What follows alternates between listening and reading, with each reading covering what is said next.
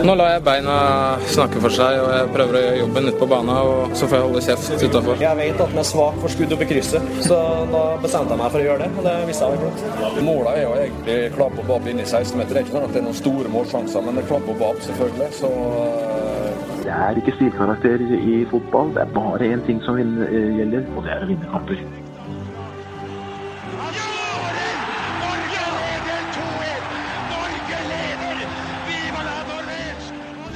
Og der er eh, toppfotball eh, tilbake igjen. Og endelig er du tilbake, Wangstein. Du du har vært borte fra oss. Hvor Ja. har du vært?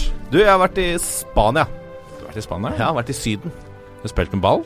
Eh, ja, faktisk. Jeg har jo en uh, fireåring som uh, syns det her med å Konseptet å sparke en fotball er veldig gøy, da. Ja. Uh, etter han har fått noen drakter og sånn, arva noen drakter ned i familierelasjonene der, så han eh, Vi kjøpte et par fotballsko til han, og han eh, var vel så ivrig på å stå på gressplenen og dunke ballen i veggen som å bade i basseng. Så det var jo kjempegøy. ja. Heier han på nøyaktig de samme lagene som deg? Ja, han, eh, han heier nå da på England. For den første drakta han fikk, var en engelsk landslagsdrakt med Rooney på ryggen. Ja. Den fikk han dagen før Rooney annonserte at han ga seg på landslaget. Oh. Så han, eh, han arva den da av en tremenning. Det er tøft uansett å være England-supporter. Det er ditt eneste lag, liksom? Nei, det er jo ikke det. Han er, han er veldig opptatt av Vålerenga. Han flyr rundt i Vålerenga-drakt uh, titt og stadig. Ja. Uh, det som på uh, Twitter ville bli kalt en full kit wanker. Ja, ja. Din sønn der, altså. Min sønn der, altså. veldig glad i Vålerenga, uh, men han er veldig opptatt av at lagene han heier på, skal vinne. Så han blir veldig lei seg når Vålerenga taper. Vi var på åpningskamp mot Sarpsborg og sånn. Det er veldig tungt. Ja, Men hvorfor er Sarpsborg bedre? Nei, det For folk er dårlig, liksom. Altså. Det er et godt spørsmål. Ja, ja. Hvem er best? Jo, det er Rosenborg. Ja, da heier vi litt Rosenborg. Hvorfor er ikke laget fra hovedstaden bedre enn laget fra Nei, ikke sant. Ja. Indre Og så har jeg jo familierelasjoner nordfra ikke sant, som er midt mellom Trondheim og Bodø. Så de heier både på Bodø-Glimt og Rosenborg. Ja. Uh, jeg det synes jeg er veldig rart. Men uh, uansett. Uh, så de prøver jo selvfølgelig å presse på noen Rosenborg-sympatier på den, da. Ja. Det har ikke lykkes helt, heldigvis. Nei. Nei. Vi eh, har med oss en, eh, en eh, celeber gjest i dag. En, en hva skal vi kalle det? En, slags sammensatt person som hele tida Mens vi satt her ute og forberedte oss til sending, så kom vi, opp, kom vi over enda en ting som vi må snakke om. Journalist, tidligere vikingspiller. Han skilte med hele én kamp under Ove Røsler. Joakim Bårdsen, velkommen. Tusen takk for det. Veldig hyggelig. Hva bedriver du tiden med til daglig nå? Til daglig nå så går det stort sett i jobb og fotball og litt eh, trening på egen hånd. Ja. Men du har på en måte fotball som jobb? Litt det, det vil jeg si eh, jeg har, ja. Ja. Så det er det som er det beste med jobben. I VG. Mm. Mm. Det var på en måte, men da har du på en måte oppfylt kanskje drømmen din du, som du fikk da du begynte å spille fotball? Ja, på en måte. Drømmen var jo å bli fotballspiller eh, som, som liten. Altså, I begynnelsen av 20-årene så tenkte jeg at eh, eh, mediebransjen og, og journalistyrket virker veldig spennende. Så sånn sett så føler jeg at jeg har drømmejobben nå. Mm. Merker du at du har en innsikt eh, fra hvordan det er å, være spiller og sitte i garderoben og være på den siden når du skal snakke nå med spilleren i Eliteserien f.eks.? Ja, så nå skal ikke skryte på meg en voldsom eh, fotballkarriere, men eh, ja, altså jeg, jeg føler jo at jeg skjønner eh, hvilke mekanismer som, som råder i en fotballklubb, da, hvordan det er å være spiller og kan trene må, må ta hensyn til osv. Så, videre, så så ja. Jeg føler jeg følger litt med på norsk fotball, men jeg må ærlig innrømme at jeg har ikke helt kontroll på hva slags spillertype du var, eller hvor på banen du regjerte. holdt jeg på å si. Nei, altså jeg eh, spilte spiss for eh, ja, i ungdomsdelingen til Viking. Eh, trente litt med A-laget, fikk en, en match eh, en vinter der. Eh, ellers så spilte jeg eh, i lokalfotballen i Stavanger, og så var jeg med på et opprykk til førstedivisjon med, med Randaberg. Ja, riktig. Den tidligere litt satsingsklubben. Den veldig hardt satsa Ja. klubben, ja. Vi skal sikkert tilbake til det. Vi er må snakke mer om det Men, eh, senere. Fikk du offisiell kamp for Viking? Eh, nei, det, var en, det ble en treningskamp, da, så Ja, okay. offisiell, eh, offisiell eh, ja. Så, okay. Det var ikke en obligatorisk kamp. Nei, nei, nei, men det er greit. Men, det- men da, da mener jeg jo hvis du har vært på det nivået du spør om, da har du vært med i et miljø. Et toppfotballmiljø, og da må du jo ha litt uh, formening om hva som foregår. Litt ballast. Litt ballast, det er klart. Vi- Eh, til, mot, til Ja. for, det har jo ikke vi. Den ballasten. Nei, men det er bra ballast. Eh, Du vet, jeg er fortsatt aktiv. Ja, jeg vet. Du er fortsatt aktiv. Ja. Jeg var tung. Absolutt. Jeg må dessverre meddele at uh, mitt kjære Jørn Kristiania måtte ta den tunge veien ned uh, nå på mandag. Fra Fra syvende divisjon til åttende. til åttende. Er, var- er det lavest nå, eller er niende lavest? Det finnes niende, ser du. Det gjør det. Rundt omkring i landet. landet. Men ikke i. Oslo. Jeg tror ikke det finnes uh, niende. På et eller annet tidspunkt må nok det skapes. laveste å, nivå. Ja, det, som et slags laveste nivå. Ja, ja. Lykke til. vi eh, gikk på en, en 2-2 eh, et 2-2-tap mot eh, 2-2-tap. 2-2-tap. Det føltes som et tap, altså. Ja, ja. Ja. Det var, et, det var tøft. Så BI holdt plassen istedenfor oss. Når en handelshøyskole går foran deg på tabellen, da Men da må jeg, jeg, jeg beklager, nå skjærer jeg helt ut, men Ja. du følte denne kampen 2-2 der dere tapte Nei, eller der dere spilte uavgjort og Ja. rykka ned som et tap. Ja, fordi BI vant, så hadde vi vunnet, så, så på en måte uavgjort var ingenting verdt. Nei, nei, men det er for dere rykka ned, ikke sant? Ja. Til motsetning fra Sogndal i Ja. 2004, som Ja. spilte 0-0 mot Vålerenga på Ullevål. Med det sikra nedrykket og jubla som de vant kampen. Eller er VM-gull. Tenk deg det. ja. Tenk deg det, ja! ja. Eliteserien. Tenk- Herregud. Tenk seg til. Tenk Tenk seg seg til. til. Det var dagens uh, mimrestund. Ja. I dag, i denne episoden, så skal vi snakke masse om Joakim Bårdsen. Han har skrevet en lekker artikkel hvor han til og med brukte vår egen Jørgen Kjernås som ekspert om uh, storskårerne i breddefotballen. Det er masse juice uh, på gang der, og kanskje også noe, litt inspirasjon for oss for den uh, årets Trøen, kåringen som vi holder på med. Da må vi jo benytte anledningen til å gratulere Jørgen og samboeren med familieforøkelsen. Absolutt. eh, derfor han måtte være pappa i dag. Ja, han får lov å være Han er i uh, fødselspermisjon, rett og slett. Eh, Herfra. Ja, det stemmer. Vi ønsker ham lykke til. Lykke til. Og velkommen tilbake, Jørgen. Um, vi får gi han litt tålmodighet på akkurat det barnet. Um, skal vi, må vi selvfølgelig innom Randaberg og denne jappetiden som, uh, som du kjenner til, Joakim. Ja. det er uh, spennende. Ehm, så har vi fått noen spørsmål i e-postkassa som vi må ta for oss. Annet hva vi syns om norske fotballdommere. Det, Dette gleder jeg meg til. det kan bli interessant. Eh, Landslagsuttaket må vi selvfølgelig innom. Yep. Så lurer vi fælt, i og med at vi har en rogalending i studio, hva som skjer med Viking. Mm. Og hva skjer med Viking når hvis de rykker ned. Og så skal vi selvfølgelig se nærmere på eh, neste eliteserierunde. Dette er toppfotball. Og Joakim, hovedårsaken til at uh, ditt navn eh, ble fattet min interesse, var vel egentlig et tips som jeg fikk inn fra, fra en av, av lytterne, som sa at uh, få inn han i studio. Se, den, se på den artikkelen her. Få den inn med en gang. Still masse spørsmål om storskårerne i bredden. Vi er jo veldig glad i, i målskårere lenger ned i divisjonene. Fordi det er sjelden folk er sjelden folk runder 20 mål og sånne ting i, i Obos og, og Eliteserien. Det, det er noe eget med, med disse En sånn ekte målskårer som kommer og bøtte inn eh, målet, Lasse. Ja, det er, det er jo helt uh, Altså, det er, det er så gøy, da. Ja. Med folk som skårer øh, halvannet til to mål i snitt per kamp. Fantastisk. Uansett nivå, tenker jeg. Og få litt oppmerksomhet i lokalpressen og sånn. Og så har jo vi tatt på oss litt den rollen at vi skal finne det som i sin tid var Norges nye Vardi, og så skulle vi da finne da vandrepokallet og nye Martin Trøen. Ja. Så vi er veldig glad i målskårer ned i divisjonene, og kanskje vi klarer der å finne gull, øh, og da finne en fyr som kanskje kan ta steget helt opp en dag. Det var jo litt eh, mitt utgangspunkt òg, at eh, dette er jo gutter som ikke får så veldig mye oppmerksomhet utover gjerne noen artikler i, i lokalavisene. eh, men de betyr jo ekstremt mye for lagene sine, og er jo små helter i lokalmiljøet. da. Så Mm. det er interessant å snakke med mange av de òg. Ja, for du har, du har snakket med en lang rekke, og det er, eh, det er noe fantastisk statistikk på noen av disse Ja, ja, ja. gutta. Men er, er det noen av disse du husker eh, spesielt, som eh, skiller seg ut som karakterer? Ja, altså det, Alle i positiv forstand, da, må jeg uh, si. Men uh, vi kan jo gå rett på den store toppskårerduellen i fjerdedivisjon i Troms, uh, der jeg snakket med både Mats Tunstad, som står med 41 skåringer på 19 matcher nå, så sykt. og hans konkurrent og tidligere lagkamerat Alexander Lenning i Lyngen Karnes. De spilte sammen i vårsesongen, men nå kjemper de om toppskårertittelen.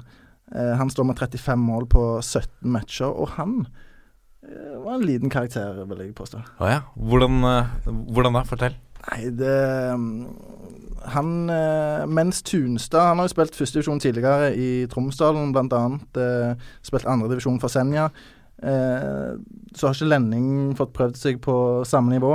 Og jeg merket han var veldig ambisiøs. Det, det la han ikke skjul på sjøl heller. Og, og han mener at eh, han er klar for spill i minst uh, andredivisjon allerede nå. Hvor gammel var for, Fordi Mats Tunstad var en litt eldre kar, på 33. Det stemmer, og Lenning er 28. Ja. Så han er jo en voksen mann, Ja. men har hatt eh, en karriere preget av mange skader. Eh, aldri vært i nærheten av de eh, tallene som han har nå. Han, har, eh, han var kjapp å legge til at han har eh, 24 assist, tror jeg det, i tillegg. Det er helt sikkert. Så det er ganske ville tall når du slår dette her sammen. Um, Altså, og, og dette er på, dette er på 16, 17 kamper. ja, stemmer. 24 assist og 35 skåringer. Ja, det Ja, det er voksent. Da er du involvert. Du hører eh, Du kan begynne å lukte på et nivå høyere. Ja, og det, men jeg syns det er så fascinerende. Da. Her snakker vi altså om en 28-åring mm. som fortsatt har ambisjoner Ja, om å gå opp nivå. Han trener i tillegg til fire økter i uka med Lyngen Karnes, så trener han fire til fem egentreninger med styrke eh, og, og terping på detaljer. Men fikk du noe inntrykk av hvor mange det er å se på disse kampene? Er det noe trøkk rundt uh, Lyngen Karnes? Eh, jeg er usikker på tilskuersnittet til Lyngen Karnes, eh, men eh, de skal jo møte Krokelvdalen, eh, der Tunstad spiller da 7. Eh, så da regner jeg med det blir rimelig bra trøkk. Men det som òg er veldig spesielt i den toppskårduellen, det er at det nå gjenstår det tre matcher. Um, det skiller altså da seks mål i favør av Tunstad. Men den matchen der, 7. oktober, så skal Mats Tunstad i et bryllup Ja, Stemmer det? Til han uh, Jonsgaard? Christer Jonsgaard, Ja, ja, ja, tidligere Tromsø-spiller. For et drama! det er et drama her. For han, han mister 90 minutter, eh, mest sannsynlig, til å, til å skåre nye mål. Ja, det er et par kasser, det. Det, ja, altså, det tempoet de gutta holder på i, så er det fort uh, tre-fire-fem mål, det. uh, så, så det kan jo fort avgjøre denne toppskårerkampen, da. Ja. Men, nå, men skal jo sies, da. Altså, de har jo litt forskjellig antall kamper òg. Enn så lenge, i hvert fall. Ja. Nå blir jo det litt utjevna Mm. nå, men da tenker jeg eh, De kårer jo målskårer den som har skåra flest. Mm. Men det er litt gøy å se på også skåringssnitt, da, når du kommer til the end of the day. Ja. Absolutt. Men når vi ser på dette snittet også, så, så ser jeg jo at Eller jeg merka meg et sitat som Tunstad hadde, er at han, han så med 40 mål på 18 kamper. Og så sier han at jeg tror for å bli målskårer så må jeg minst skåre ti til. Ja, ja. For å bli toppskårer. Tenk deg det? Ja, tenk deg det. Og på det tidspunktet var det fire kamper igjen. sant? Så Han mente han måtte ha ti mål på de fire kampene. Ja, det var, og du bare setter det som en helt naturlig ambisjon. Ja. Men da, da, er, da tenker jeg enten Altså, han selvfølgelig han må jo ha gode folk rundt seg på det nivået. Mm. Eller så er han, spiller han på et altfor lavt nivå, da. Ja, men de må jo gjøre det, disse to. Ja. Men skal nok eh, kan vi ta med at det, det er Lyngen Karnes der uh, utfordrer Lenning spiller. Det er de som eh, topper serien, da. Ja. Det er de som er det beste laget. Så sånn sett så må Tunstad kjempe mer for uh, sine skåringer. Ja, nettopp. Ja, fantastisk. Men det er uansett, altså, disse tallene uansett nivå om det hadde vært for uh, Ørn Kristiania i syvende divisjon, eller om det er i fjerde eller andre divisjon. Det er jo helt fantastiske tall. For en, Absolutt. for en spiller. Altså, du hadde tatt en uh, på Ørne Kristiania. Du hadde ønsket velkommen en spiller som bøtta 40 mål på 19 kamper. Eller 41 på 19. Ja, Altså i fjerde. Vi spiller i syvende. Ja, i Det- syvende. Da hadde dere ikke rykka ned, vet du. For en, for en gavepakke det burde vært. Vi har sluppet inn 86 mål vi på 18 kamper, så det hadde vi trengt. Faktisk. Dere har sluppet inn på det. Ja, ja. Trenger en keeper og forsvarsspiller òg, der, da. Ja, Nybekk, kan, det kan si. Men eh, disse to da, i fellesskap Mm. har da putta For tidligere så var det lagkamerater. Det stemmer. Det var Lenning var tilretteleggeren til Tunstad i vårsesongen. Det er der assistene kommer. Ja, og så putta han et par sjæl ved siden av. Da har de skåra 76 mål til sammen, da, de to. Hvor mange har de skåra ellers, da, Linn Karnes? Er det noen som har uh, tabellen? Nei, men den kan vi jo sikkert klare å finne etter hvert. Men, uh, Ja. men mens jeg prøver å multitaske her, har du noe inntrykk av hva slags spilletyper disse gutta er? Er det liksom Er det sånne store boksspillere, eller er det kjappe bakromsspillere, liksom? Altså, Tunstad han har farten som sin forse, så han elsker jo å, å møte forsvar som står høyt. Eh, Gjerne litt tunge, treige midtstoppere, som vi må være ærlige og si at det finnes en del av i fjerdedivisjon. eh, så han eh, løper fra det meste. Og så har du Lenning, som er en tekniker eh, eh, men som samtidig mener sjøl at han besitter en god del eh, ferdigheter som er bra. da. Mm. Men altså, ja, jeg har fart som din styrke også som 33-åring. Ja. Det, er, eh, det er ganske imponerende. Uh, hvis vi går videre blant uh, Det er så mye bra snitt her. Jeg mener jo Nå, nå er denne artikkelen skrevet før deres siste kamp, men Mm. du har kanskje oppdatert noen tall etter det? Jeg har en del uh, tall, ja. Ja. Denne Vetle Myhre, da, som spiller Mm. for Riska. Ja, de tallene stemmer. Han har jo 29 skåringer på 18 matcher for Riska. Det er Ja. jo en klubb eh, fra Sandnes. Ja. Et sted som jeg kjenner godt. eh, og det er jo en, en fyr som jeg har spilt sjøl mot mange ganger. Eh, han eh, spilte i Sandnes Ulf eh, i første divisjon. Ja. og spilte for Vard Haugesund i andre divisjon. Eh, alltid vært en notorisk målskårer som Han er ennå ung, 26 år. Trappa ned og, og spiller med barndomskompiser egentlig da i Riska og, og bøtte inn mål, da. Ja. Apropos, du selv har jo uh, trappa ned og spiller med, med, med kompiser. Hvordan er det for en eliteseriespiller, for nå spiller du i, i sjette, Sjette divisjon. Ja. Altså, jeg ble jo aldri noen eliteseriespiller. uh, så jeg trente med eliteseriespillere og sånn, men uh, det høyeste jeg har spilt, er førstedivisjon. Og klart du merker jo forskjell, men nå er jo formen min òg rimelig eh, mye dårligere enn jeg var da, så jeg eh, har faktisk mer enn nok jeg med å henge med i sjette divisjon nå. Hva slags spillertype er det da? Tung og treig spiss Ja. som uh, skårte noen Men det har du alltid vært? Ja. men Da er det ikke så farlig. For du har Nei, det er sant. Det er sant. Hvis du hadde vært rask og mista det, Ja, ja, så er det vanskeligere. Ja. Har du funnet noen stats? Ja, jeg fant uh, tabellen. Altså Lyngen Karnes leder jo da, som sagt. Uh, de har da 16 seire, 1 uavgjort og 2 tap. Uh, målforskjell på 112-19. altså 93 Ja. pluss mål der, da. Uh, hvor er det Tunstad spiller? Krokelvdalen. Krokelvdalen. Ja, de ligger litt, litt lenger ned. Sjetteplass. Ja. De har 8-1-10. 8 seire, 1 uavgjort, 10 tap. 88-51. Så han skårer jo nesten halvparten av måla, da. Ja. Vår venn Tunstad. Herre Han har skåra 40 av 88 mål, han. Det er rett og slett ganske imponerende. Ja. Det er uh, vanskelig Ja. det, dette er jo de mestskårende spillerne. Eller Tunstad den mestskårende spilleren i de, på de fire-fem øverste nivåene i Norge. ja. Mm. Sant. Dette er verdt å merke seg, vet du, Mangstein. Ja, men hvis vi skal da ha den derre årets trøen, da, hvis vi skal bare innom den i den forlengelsen her Mm. Han er 33 år gammel. Det er vel ikke sikkert at han blir eliteseriespiller med det første? Nei. Men Lønning, da? Eller Ja. han er for, eh, kanskje for gammel? Ja, jeg syns Ja, for så vidt. Men han har tydeligvis ambisjoner, da. Hva er taket her på, på alder? Nei, altså Når var det, var det blei uh, Leicester-spillere? Altså, du, Nei, er du det, må være gammel Altså, du må være ung nok til fortsatt å ha mulighet til å lykkes Mm. uh, i, uh, i på eliteserien, i Ja. eliteserien, og uh, eventuelt inn på landslaget. Jeg vet jo dere har snakket Og gjerne en tur innom fengsel også på veien. Helst. Ja. Ja. Eh, jeg vet jo dere har snakket om Alexander Dang tidligere. Ja. han er jo 26. Ja. Han Han, er- han han er synes er hatt på lista. innafor. Ja. Ja. Og vi har jo Han som kanskje ligger an akkurat nå, i hvert fall, det er jo Endre Kupen, som nå er i en liten måltørke, men øh, Nydelig spiller. Nydelig spiller, ikke sant. Og han var jo Fikk jo andreplass i fjor, for å si det sånn. Ja. Eh, det var noen her borte som ble nedstemt.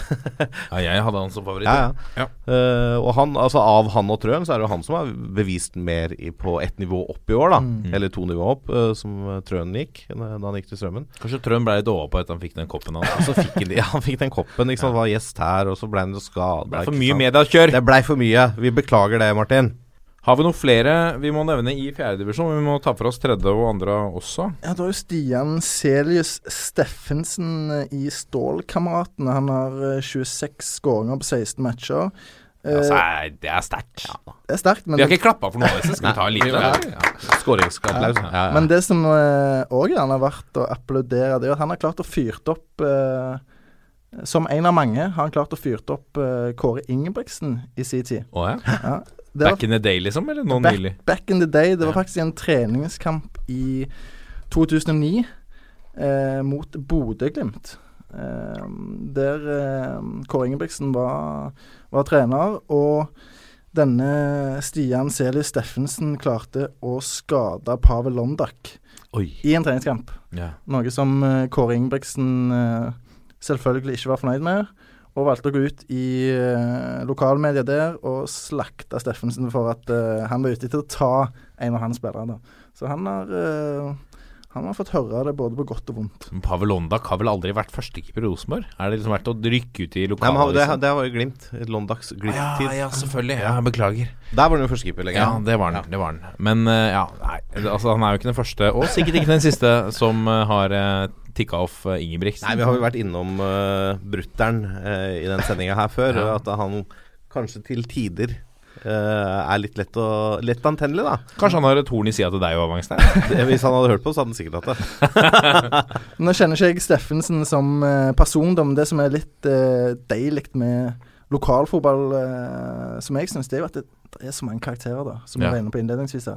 Det er så mange typer som elsker å fyre opp, eh, som elsker å ta et gult kort, eh, og ikke er redde for å ta et rødt heller, bare for å, å terge litt. Jeg har spilt på lag med mange av de sjøl, Mm. og vært med en del uh, lokalderbyer i, i Stavanger-området som eh, har vært Det er litt ha Jeg har hørt litt om det. Det er ja, litt det, eh, jeg, jeg spilte jo i Verdeneset i tredjedivisjon, Ja. der uh, oppgjør nummer én, det var mot Brodd. Eh, og da, da var det rødt kort eh, stort sett hver kamp. ja.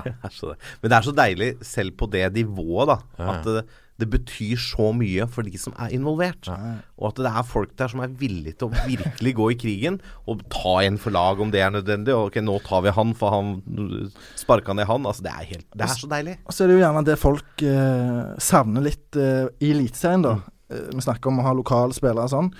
Eh, I breddefotballen så er det ikke tvil om at eh, der står du opp for kameraten din, sant. Og, og det virker jo gjerne litt eh, banalt nesten når det nivået er så lavt. Men du kriger for hverandre og kriger for retten til å feire på byen og, og kose deg etter match. Sant? ja. Og Det er derfor jeg har så sans for, selv om han spiller for en klubb jeg ikke liker, altså typene mm. Frode Kippe. Mm. Ja.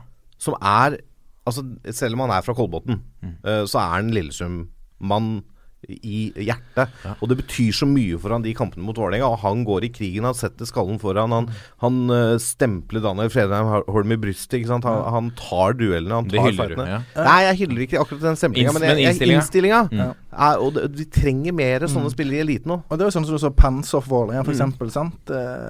Eh, Kjetil Wæler er gjerne ikke den som, som snakker eller roper høyest, men han er òg en kriger. sant? Det er sånne typer du liker å se. da. Ja, ja, det er helt klart. Og nå Frode Kippe ryktes om at det tar et år til. Ja, ikke sant. Og det Det er, eh, det er jo det er jo noe med å ha de spillerne, da. Som, Mm. som supporter, når du står på tribunen eller ser kamp på TV, du ser de spillerne som faktisk går foran. Ja. Setter brystkassa fram. Og tar den diskusjonen og den fighten hvis det er nødvendig, og står opp for lagkameratene sine. Jeg, og, og, nå sier jeg ikke at du skal gå ut tilbake og liksom prøve å skade en motspiller hvis de har feid ned en av dine, men at det kommer en litt hard takling tilbake og liksom setter skapet på plass, syns jeg er helt greit. Det er, det er kampsport. Ja. Men det, dette er jo noe som vi har skreket etter i hele året, og sikkert i hele fjor også, både på landslaget og du for Vålerenga. Og det er disse ledertypene, de som går foran med killer, killerinstinkt. Har vi noen og Nå tar jeg dere litt på senga, men har vi noen typiske eksempler i Eliteserien i dag som er litt sånn foregangsmodeller på det å kline til litt? Ja, Mark Jensen Ja. Ja. Er jo en sånn type. Ja. Han er, blir jo hata av alle, ikke sant, på banen. Uh, for han er sånn Sivert Heltene Nilsen til dels er en sånn type. Det er, det er noen eksempler på sånne Markus Pedersen. Ja. Det er ikke noe gøy å møte han. Når han Nei. kommer med foten opp i kneet der på han Haugesund-spilleren. ikke sant? Det er jo fordi det er overtenning, og fordi at han har så lyst til å vinne den ballen. Mm. Så kommer han for seint, og så trekker han seg ikke for harde møkka uansett. Og det er jo det som skaper fyr i matcher, fyr i laget, fyr i publikum. sant? Det er jo, eh, du kan sitte og se på en rimelig eh, kjedelig eliteseriematch, og så smeller det etter to minutter, og så er det full fyr. Mm. Og så er alle med, sant. Og da, da skjer det noe med en gang. Mm. Apropos, eh, apropos Markus Pedersen, skal vi ta en, eh, en, en radiofaglig sterk overgang til hans bror Sebastian. Ja. Eh, nå er vi over i tredjedivisjon, og broren hans spiller for Stabæk 2 og gjør det ganske bra. Ja, altså ut fra målsnittet så herjer han jo i, Mm. i tredjedivisjon. Han har jo åtte kamper i Eliteserien for Stabæk, én skåring. Som innbytter. Som eh, innbytter eh, mot Altså, ja. Ja, det stemmer nok. Eh, og nå har han altså da skåret 21 mål på en eh, snau sesong i tredjedivisjon. Eh, eh, Han har vel gjerne ikke det samme temperamentet som broren. eh, det er vel vanskelig å få til, nesten. Ikke Ja. at det, det er noe negativt med det, men eh, han er jo en veldig spennende spiller, da. Men hva slags, eh, hva slags type er dette, Sebastian Pedersen? Han slår meg eh, Av det jeg har sett han, det er jo i Eliteserien, Mm. så slår han meg som en, eh, som en målsnik. Ja. Det er, Han har eh, heller ikke den derre fysikken som en Nei. sånn derre Flo Jostein Flo, apropos forrige episode-spiss, liksom. Mm. Men han er ja, litt sånn snikete Mm. måltype. Og så Det du også må ta litt høyde for på disse andre lagene, er at eh, der er det så så utskiftning i, i eh, lagsammensetningen. Mm. Så han har sikkert nye medspillere hver gang, ikke sant. Og så plutselig en dag så er hele Stabæk dårlig. Og så, så det er ikke så lett å prestere det er vanskelig å prestere for reservelaget, kanskje? ja, det, jeg tror det er litt mer utfordrende enn f.eks. da hvis vi tar uh, Sondre Stokke, da. Ikke sant? 20 Nei, nei, sorry, Torbjørn Aabrekk. 32 mål på 16 kamper, spiller med de samme hver uke. Ja. Og så er det jo til eldre du blir, desto vanskeligere er det gjerne å motivere seg for å spille tredjedivisjon òg. Ja. Sebastian Pedersen ønsker ikke å spille tredjedivisjon. Han vil spille eliteserie. Nå Han er er 17 år, er han ikke? Ja, vel blitt 18. Ja. Eh, men det er vanskelig med OI som en toppskårer i Eliteserien, sant. Eh, det sier seg sjøl. Mm. Eh, men det eneste han kan gjøre, det er jo å fortsette å bøtte en mål i, i tredjedivisjon og, og vise seg fram. Helt klart. Men La oss ta Torbjørn Nåbrek, da, for eh, Jeg må korrigere deg, Lasse. Nå spiller han i Florø 2. Ja, så det er stemmer. Han har bytta eh, klubb, han, ja. Mm. Så han er også et eksempel som, som mestrer dette. Og han skåra vel syv mål i en kamp her for ikke så lenge siden. Ja, han ble jo henta til Florø i sommer, Ja. som de henta andrekupen. Um, har fått åtte innhopp der. Ja. Uh, blitt brukt som kant, fortalte han meg. Uh, derfor uh, hadde det vært en litt vanskelig overgang så langt. Men har jo skåret noe helt vilt med mål på toerlaget der òg. Det er i fjerdedivisjon. Vareg er jo i, i tredje. Eh, så han blir spennende å følge. Florø kjemper jo faktisk om en playoff-plass i Obos. Han kan bli avgjørende der mot slutten av sesongen. Ja, for Han kan få litt tillit hvis Endre Kuppen har mista det litt. Og sette inn en uh...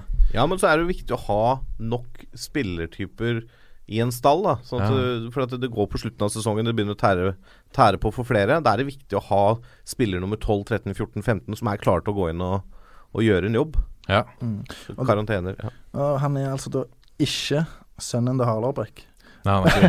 Men han er, han er sønn av uh, bror Nei, han er sønn av søskenbarn til Harald Brekkbladet. Så det er ganske sånn komplisert. eh, Jeg tror Norge er et av de få landene i verden hvor med en gang man ser et etternavn, så stiller man spørsmål Du, er det, kan det være sønnen til Det er ingen i USA som snakker på den måten. Yeah, Anderson, is that the you know, nephew? Nephew? Nei, nei det er jo, ja, men det er jo typisk det. Og så er vi veldig glad i sånne familiehistorier, da. Ja. Sånn, sånn som nå så jeg sønnen til Ole Gunnar Solskjær debuterte for KBK2, var det ikke det? Mm.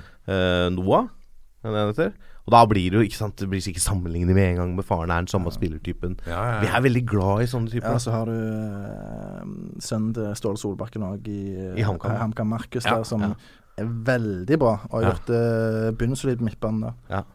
Det er et par spennende sønner. Og Erling Braut Haaland, ikke minst. Ja, Ja, ja. Så vi kan jo, skal vi ta en egen sånn uh, sønnesak en gang? Ja, sånn derre 94-heltenes eh, barn. Hvor er de nå? Ja, Vi har noen i breddefotballen nå. Sønnen til Henning Berg og sønnen til Kjell Kåsa. Kåsa. Ja, så har du eh, Emil Bohin uh, I Stabæk. i som er veldig spennende. Absolutt.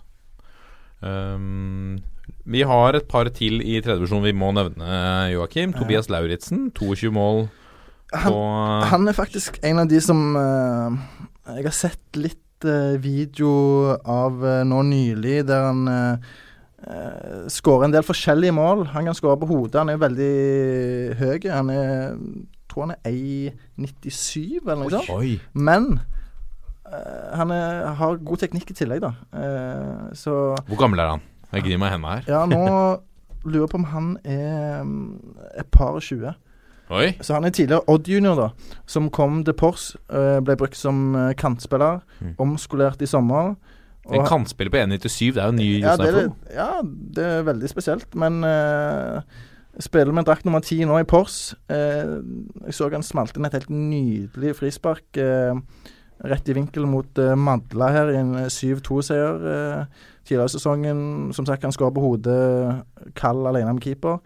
Han er høy, men han er ikke spesielt sterk. Eh, så Han går på hodet. Eh, han, er, han, han slår meg ikke som noe sånn Han er ikke Jostein Flo, han er mer to andre Flo, da, for å si det sånn. Ja. Eh, men eh, han er ettertrakta, da. Mm. Eh, Tommy Sindre Larsen har jo eh, vært ute i Porsgrunns Dagblad og, og sagt at det er både eliteserie, Obos og andredivisjonsklubber ute etter han. Men de klarte å beholde han. Så Ja. nå kjemper de om eh, opprykk fra tredje til andre. Ja. Det er eh, høye spillere med teknikk. Ja. Det er, vi har ikke for mange av de. Og så har, du har, men du har jo noen høye spillere som ikke er gode på UH, sånn som han Malek, som var i Ja, Rosenborg. Ja. Ja. Ikke så mye teknikk heller, for så vidt. Eller Nei. fart. Nei, han, var, hva, var, hva var han egentlig god på? han stilte på trening. ja, han var på trening. Øystein Lundblad Nesheim for eh, Kvikk Halden i, i tredje divisjon. 23 mål på 21 kamper, eh, eh, Joakim. Ja. For Kvikksom er et stykke unna toppen også i sin avdeling. Ja, altså, han mener jo at han har gjort sin beste sesong noensinne når det gjelder I hvert fall når det gjelder målpoeng. Ja. Um, Synd at resten av laget ikke følger på. Ja, men han er en type som har eh, prøvd seg uh, høyere oppe tidligere. Uh, men som uh, tok et steg ned igjen til Lommedalen. Eh, og så begynte å satse igjen, da. Fant gleden med fotballen. eh, men har alltid skåret mye mål. Mm. Alltid vært en eh, profil i eh, lokalmiljøet. da. Ja. Så på tampen den siste fra tredje divisjon må vi ta med Sondre Stokke fra Stjørdals Blink. 27 mål på 21 kamper. Altså Ja. sterk. Dette er jo en tidligere ABK-junior. Ja. Um, Hvor gammel er han nå, da?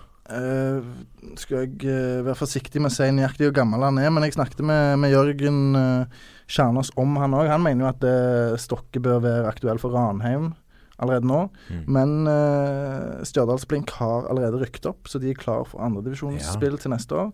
Så det kan jo være eh, et greit eh, nivå for han da. Det er spennende at han nå får liksom ta et nytt steg. Det er Mm. at han har mestret eh, tredje. Ja, og det Det vil jo variere, disse her uh, storskårene. Noen er i begynnelsen av 20-årene. eh, så har du Sebastian Pedersen som er, som er 18, og så har du sånn som Tunstad, som faktisk skårer flest, men som er 33 og har null ambisjoner. Mm. Ambisjonsnivået vil jo variere veldig. Em, jeg husker sjøl hvordan, hvordan det varierte for min del. Uh, var rundt 20 år, så, så begynte jeg plutselig å satse veldig. Tenkte OK, for jeg er en siste sjanse. Trene godt. eh, gjøre alt eh, rett for å se hva som er mulig å få til. da. Mm. Em, kontra noen år senere, eller eh, åtte år senere, der jeg sitter nå, eh, spiller i sjette divisjon og er kun for gøy, da. Så det gjør det òg litt eh, ekstra eh, kjekt å følge disse typene, da. Ja. For å se hvem som lykkes eh, av de som virkelig satser. Vi må ta med oss Ja, Lasse. Husker vi, vi husker Joakim Hansen, ikke sant? Fra Torp. Jokke, ja. Ja. Fra Torp, ja. Apropos typer. Ja. Ha, eh, han var jo med i, På telefon. på telefon. Ja. Og han var altså så avslappa. Ja, ja, ja. Hva var det Håvard Lilleheie sa? At uh, han sparte alt kruttet til kamp. ja han hvil, hvilte Han seg i toppform. seg til toppform. han, han hvilte på trening. Ja, helt sikkert da òg. Ja. Han, Han men var, når vi eh, snakket med ham på telefon, han var, bare helt Ja, okay, nei, ok. ja. Var ikke så farlig med disse måla. Det var Nei, veldig, veldig var veldig, han er veldig avslappa forhold til det. Tror han eh, fortsatt skårer, eller? Ja, ifølge, nei, ifølge fotball.no Ja. uh, sin eminente statistikk, så har han tolv kamper og seks mål i år. Ja. For Torp med 0-1. Og så har han uh, Ikke like hyppig nå, da. Nei, og så har han tre kamper for andrelaget. Fem mål. Ja. Å ja, han har spilt for andrelaget òg, ja. Ja da. På vei til kulda, han eh, Kanskje? Hansen. Skal vi se, det ligger da det er, det er, Vi snakker jo femtedivisjon Østfold her, da. Ligger på åttendeplass. Ja. Så Jeg så de lette etter nye trenere nå, Torp. jeg ser daglig leder her heter Torp òg, så det er helt strålende. Ja, det, det, det lover godt. Eh, Vi må ta annendivisjon, uh, Joakim. Der har vi eh, to som kanskje skiller seg ut mer enn andre. Ja. Eh, en mann som Øyvind Gausdal er jo ikke på denne lista. Han eh, har òg spilt mange ganger mot sjøl. Alle som har spilt mot Vindbjart, har spilt mot eh, Øyvind Gausdal, Mm. og sannsynligvis uh, sett han skåre mål. Eh, Hvorfor er han ikke med på listen din? Nei, det er et godt spørsmål. Jeg valgte ut eh, 20 mann. eh, og da var det Dang som var toppskårer i den avdelingen. Ja. Så ble det han. Um, og Dang er jo en mann som Som dere har snakket mye om før. Han har skåret over 100 mål i, på tre sesonger i tredjedivisjon.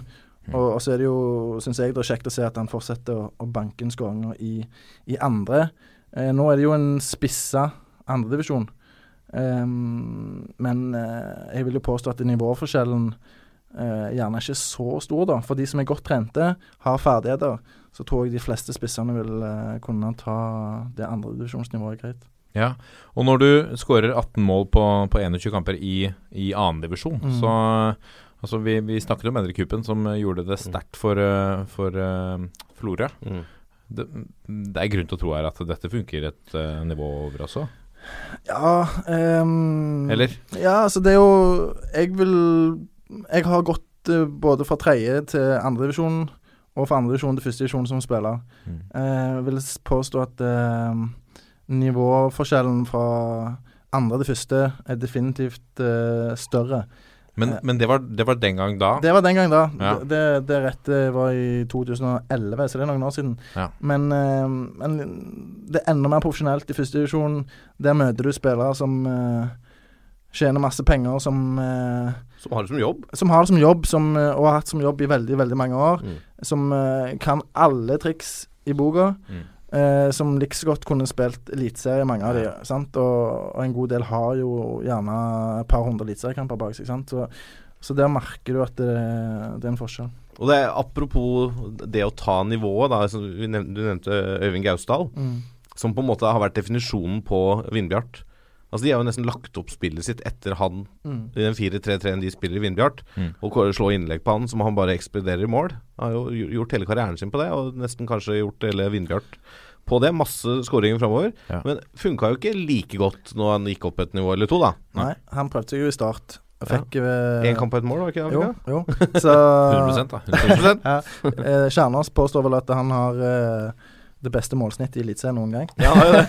Jeg tror det er på 12 minutter, 11 minutter eller noe sånt. Ja. Oh, ja. Jeg har skåret hvert 11. minutt i Eliteserien. Det er herlig hvordan man kan leke med tall. Ja, ja, statistikk kan brukes i mye gøy.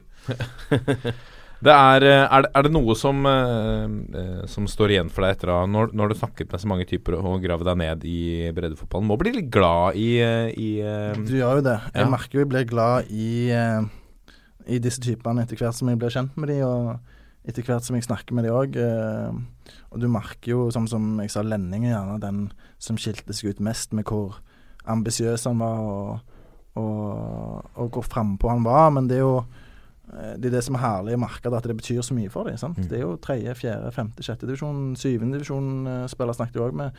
En som hadde skåret tolv mål på en match. Uh, men uh, Det er så sjukt.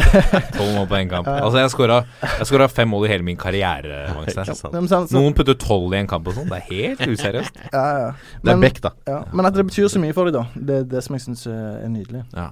Men det som hadde vært gøy å se her, da Jeg, tror ikke at det er realistisk, men det eh, Jeg spilte jo på high school-nivå i USA for eh, 20 år siden. Uh, mer enn 20 år siden, faktisk. Og da, Soccer eller American Soccer? football? Ja, begge deler, egentlig. Ja. Men eh, Hvilken soccer posisjon hadde du på American football? Jeg er Kicker, selvfølgelig. Kicker. ja, ja. Jeg fikk jo ikke lov til noe annet, for de var redde for at jeg skulle bli skada. Vet du. Ja, ok. For det var utlendingen. Det blir sikkert noe søksmål og sånt. Han. Så han får, gå- han får gå inn og sparke ballen, for det kan han. Han, kan, han har tilslag. Men uh, der, uh, i soccer der, så noterer du jo antall skudd per spiller. Ikke sant? De Ja. noterer statistikk på det, da. Ja. Så jeg visste På lavt nivå, liksom? Ja, på det high school-nivå. Ja. 15-16-17-åringer, liksom. Så du skøyt for alle mulige posisjoner, da? eller? Ja, nei, nei, jeg, jeg visste jo da i, Etter endt soccer-sesong, så visste jeg hvor mange skudd jeg hadde hatt mot mål, og hvor mange mål jeg hadde scora. Ja. Det var gøy å sett sånn som Tunstad og Lenning. Da, hvor mange sjanser kommer de til? Mm. Hvor mange ganger har de avslutta på mål, og hvor mange går inn? For det må jo være ganske høy uttellingsrate når du skårer 40 mål på 19 kamper, eller Ja. 41 mål på 19 kamper. Ja. Da har du uttelling, altså. Det må det. Ja, absolutt. Det er uh... Og jeg vet sånn som, sånn som Vetle Myhre, som jeg har sett mye her, som, som spiller fjerdedivisjon for Iska, han kunne jo eh, Hvis han hadde gått ut og flagga at jeg vil gjerne spille andredivisjon, så hadde han blitt plukket opp på sekundet. Ja. Um, og han er jo en fantastisk avslutter, sant. Så det Mm. er liksom mange av disse gutta her Jeg tror ikke på en avslutningstrening med spillere som Malec og, og, og disse gutta her i Eliteserien, så, så hadde jeg satt mine penger på Tunstad fort, sant. Ja. Det, det er gode avsluttere. Og hvem sier at norsk fotball ikke er vakkert? De, kan, eh, de, de veit ikke nok. De vet ikke nok. Det handler om ganske mye mer enn hva du ser på TV-en når du ser Premier League. Altså. Det er, eh, Vi har sagt det før, kom dere ut og se lokalfotball. Det er, Gi det en sjanse! Det er mye gull der ute, altså. Ja. Det, å, å se folk bøtte inn skåringer, det er eh, moro uansett hvilket uh, nivå vi snakker om. Dette er toppfotball. Og når vi har en tidligere Randaberg-spiller her som uh, var en del Du var ikke en del av denne såkalte jappetida. Og for dere som ikke skjønner hva vi mener da, hva mener vi når vi sier at det var en jappetid i Randaberg, Joakim? Um, det var en tid der eh, det var millionlønninger i tredjedivisjon. Det er helt sykt. Så det var Fred Ingebrigtsen som eh, hadde slått seg stort opp på eh, Akta. Eh, et selskap eh, som var verdsatt til flere milliarder, og han var sjøl god for eh, over en milliard. Em, er fra Jeg Randaberg, eh, som òg er min eh, hjemkommune. Eh, ville gjøre noe for klubben. Veldig positivt, eh, det. Gikk inn med, med betydelige summer. Henta bl.a. Kjell Inge Bråtveit som, som trener. Og, Tidligere Viking. ja, ehm, og far til um, Bråtveit, som er keeper i FKH Ja. nå. Mm. Um, han ble henta som trener. I tillegg så henta de Bjarte Lund Aasheim fra start, fra Eliteserien til tredjedivisjon. Um, jeg har nevnt at det var millionlønninger, da, så mange av disse gutta tjente, tjente opp imot det. Uh, og gjerne det som var drøyest, det var at de kjøpte Øyvind Svenning fra Viking. Stemmer det. Som var i, inne i kontrakt med Viking. Kjøpte for over en million til tredjedivisjon. Uh, den sommeren, hvis ikke jeg tar helt feil, så leda Randaberg serien med elleve poeng. Og han ble gitt en opprykksbonus på mange hundre tusen kroner eh, for å komme til Randaberg. Eh, og I tillegg så hadde de spillere som, som Jørgen Tengesdal og, og mange andre Bjarte Lund Årsheim. Ja, nevnte eh, ja, og de henta Peter Rankovic og, og Ja, det er Jørgen Kjernås favoritt. Ja. Peter Rankovic. ja, Så, så de liksom De hadde de beste andredivisjonsspillerne, mange fra førstedivisjon, en god del fra Eliteserien, da, som de henta til den klubben og satsa ekstremt eh, proft. Egen keepertrener osv. Ja. Og så gikk det galt for klubben i 2008. Da ble eh, eh, Fred Ingebrigtsen involvert i en eh, sak eh, der han som han senere ble dømt for, kunne ikke opprettholde satsingen i, i Randaberg, og dermed forsvant pengene. Og alt måtte trappes ned, ganske dramatisk og, og ganske kjapt. Ehm, og da forsvant jo en del spillere òg, naturligvis. Ja, men forsvant de på dagen, eller ble de liksom værende en stund? Ja, det ble jo Det gikk jo litt tid før uh, uh, Før alt på en måte var borte, da. Men uh, klubben klarte ikke å rykke opp til førstedivisjon når satsingen sto på som, som mest, da. Det er egentlig ganske utrolig. Ja, det er jo det. Men han var iallfall i andredivisjon når dette her skjedde. Mm. Og da gjorde klubben øh, noe som var veldig bra, syns jeg. Eh, de ansatte Bjarte Lund Aasheim som trener. En fantastisk fin fyr.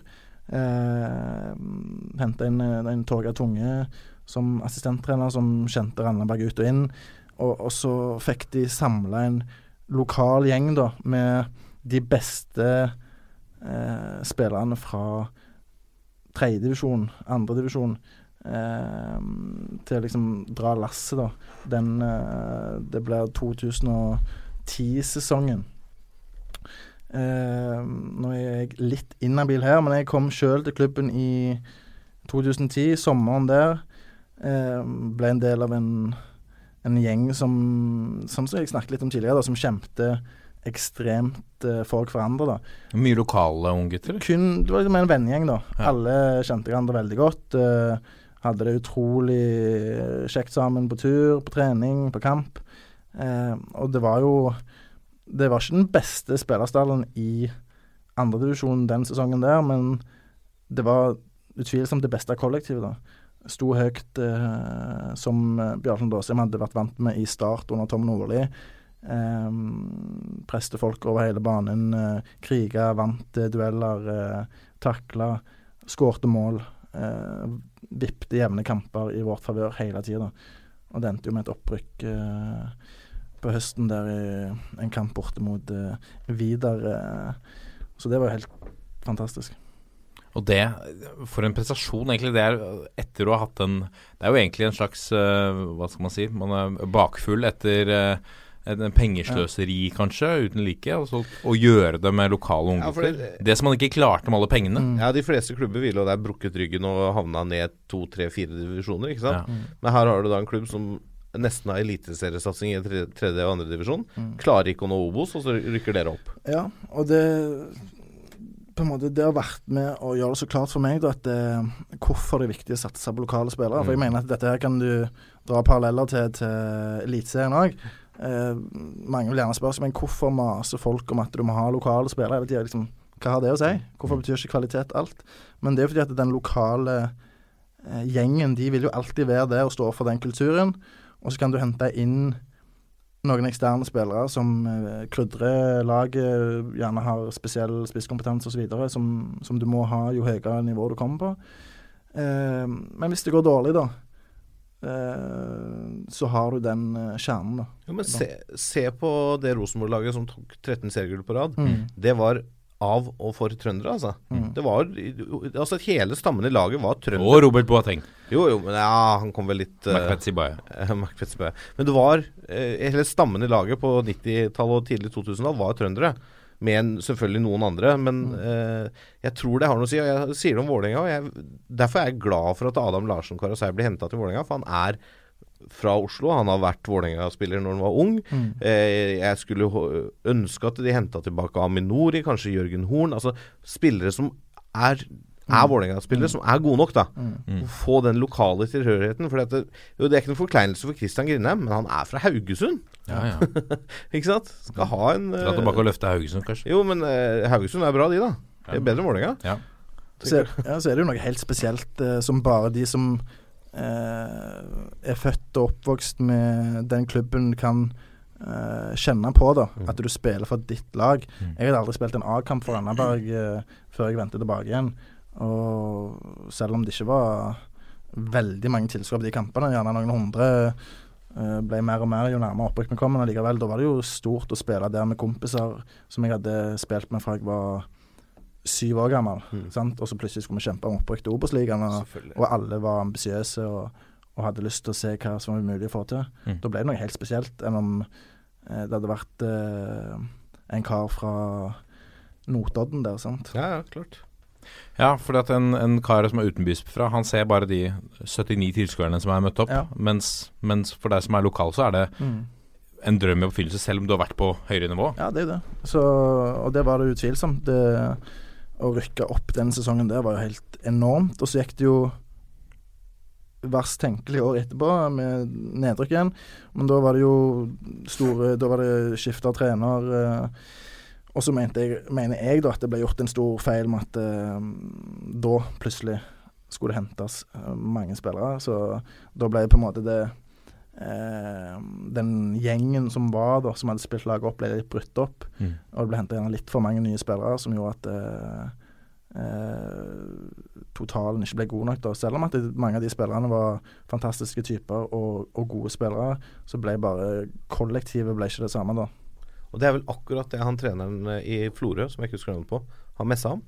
Ja. Den gjengen som rykka Ja, ja, opp. ikke sant? Og det samme så så du litt, eh, selv om de kanskje, kanskje like mye lokaltilhørighet, men du så det litt med Mjøndalen nå, Mm. uh, i den der Alle gutta-serien. Altså, alle som rykka opp med Mjøndalen, de fikk lov å være med Mm, videre. For det var liksom noe med det, da. Ja, og så når de rykte ned igjen, da, Mjøndalen, Mm. Så har ikke de seilt ned gjennom divisjonssystemet. sant? Da har de den gjengen der ennå, som har vist at de holder godt eh, førstedivisjonsnivå. Og så kan de bygge videre på det, da. Enig. Men før vi går videre, eh, de, disse pengene som kom fra milliardæren, ble de kun omsatt i, i dyre spillere og lønninger, eller ble det gjort noe på anleggssiden i Det junioravdelingen det lignende? ble bygd en, eh, en tribune langs den ene langsida som vel tok uh, 1000 mann eller noe sånt. Var, var grei, den.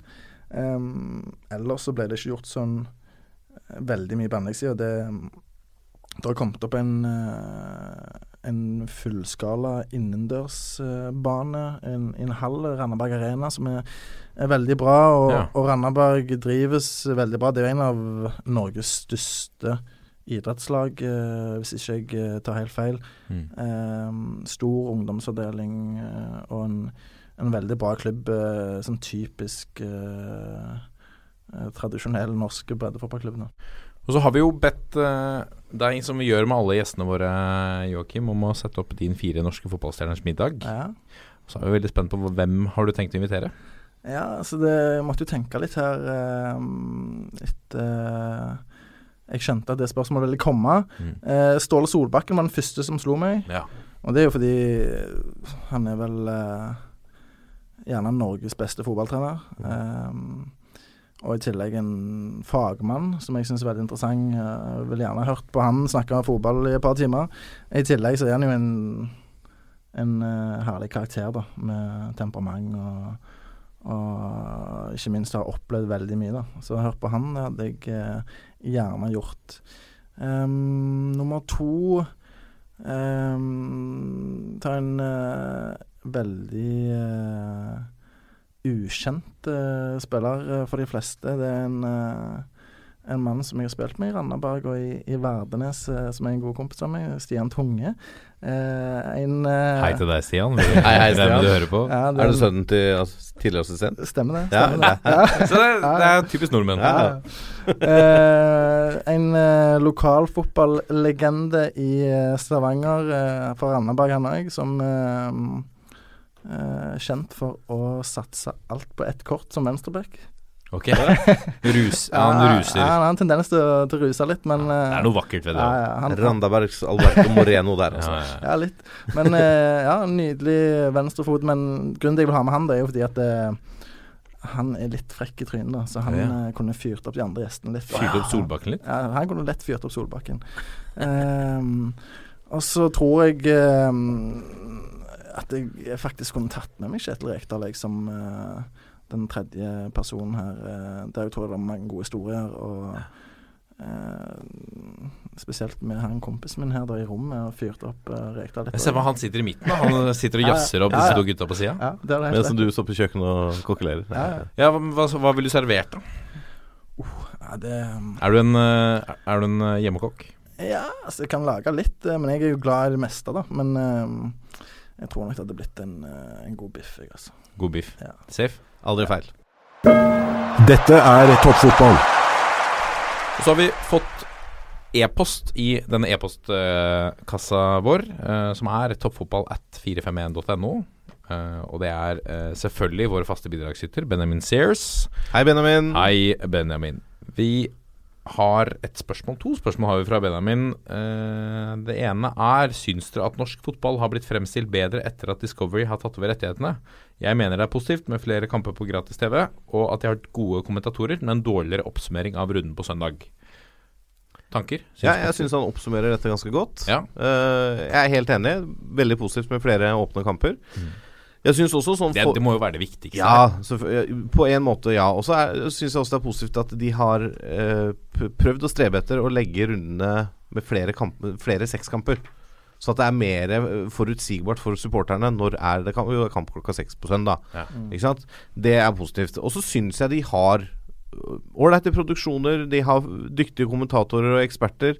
Eh, De, de, de leverer et bra produkt. Jeg er også enig i at det kanskje oppsummeringsprogrammet blir litt sånn De virker litt oppjaga av og til. Mm. At for jeg er veldig glad i å se litt sånn analyser av hvorfor skåra de der, hvorfor klarte de å hindre scoring der. Mm. Så gå litt i dybden da på det som skjer på, på banen. Men det er klart når du har flere sekskamper, så har du flere kamper du skal gå igjennom fra den dagen, og da blir det kanskje litt sånn. Nå er jeg litt inhabil her i og med at VG har et uh, redaksjonelt samarbeid med Discovery, men jeg syns jo personlig at eh, jeg får et veldig bra produkt. Eh, jeg får sett de kampene jeg ønsker. eh, og det er jo ingen tvil om at eh, Discovery har satt inn store ressurser på dette her. Kjempebra kommentatorer, uh, henta inn nye eksperter. eh, Eh, så er det liksom Det er det du sier da med et eh, analyseprogram. Mm. Men liksom Lengden på det programmet gjør det jo ikke mulig å, å, å ha lange analyser.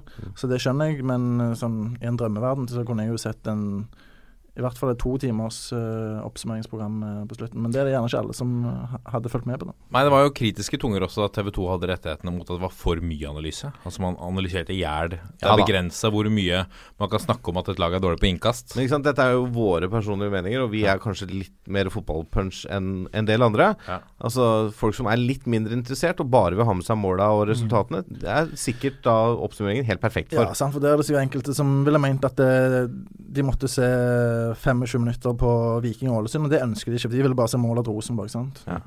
Og da, da har, det kan det godt hende at Discovery har klart å finne en gyllen middelvei som funker for de aller fleste, da. Ja. Så er det noen In- som savner noe, ja. Inntrykket er bra. Det viktigste er at vi får se flere matcher. At alle får se sitt lag. Mm. Helt enig. Og så liker jeg, elsker bredde Altså Ja. grasrotkampen. Ja. Mer av det, tenker jeg. Ja da. Og det er men der må vi også få, få lov å skyte inn at eh, det, det var jo TV 2 i sin tid som Mm. hadde disse gratiskampene først. Så Ja. det, det, var ikke, det er ikke noe breaking news, det. Men uh, all ære til både TV 2 og Discovery for å ta det videre. Et spørsmål til fra Sears er uh, som følger Har dere en favorittdommer i Eliteserien? Min personlige favoritt er Rohit Saggi. Jeg syns det er forskjell fra Wangstein at dommerne i Norge er ganske gode, sammenlignet med nivået på spillerne. Ja. Hei.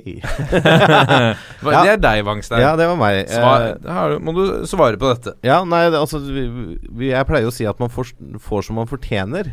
Ja. Og det er vel kanskje derfor man får dommere som ikke er så gode, da, siden vi kanskje ikke har så gode fotballspillere. Nei, altså øh, Jeg er vel Jeg har ikke noen sånn soleklar favorittdommer, Nei. men jeg syns det har vært mye rart fra dommerstanden det siste året. Det må jeg få lov å si.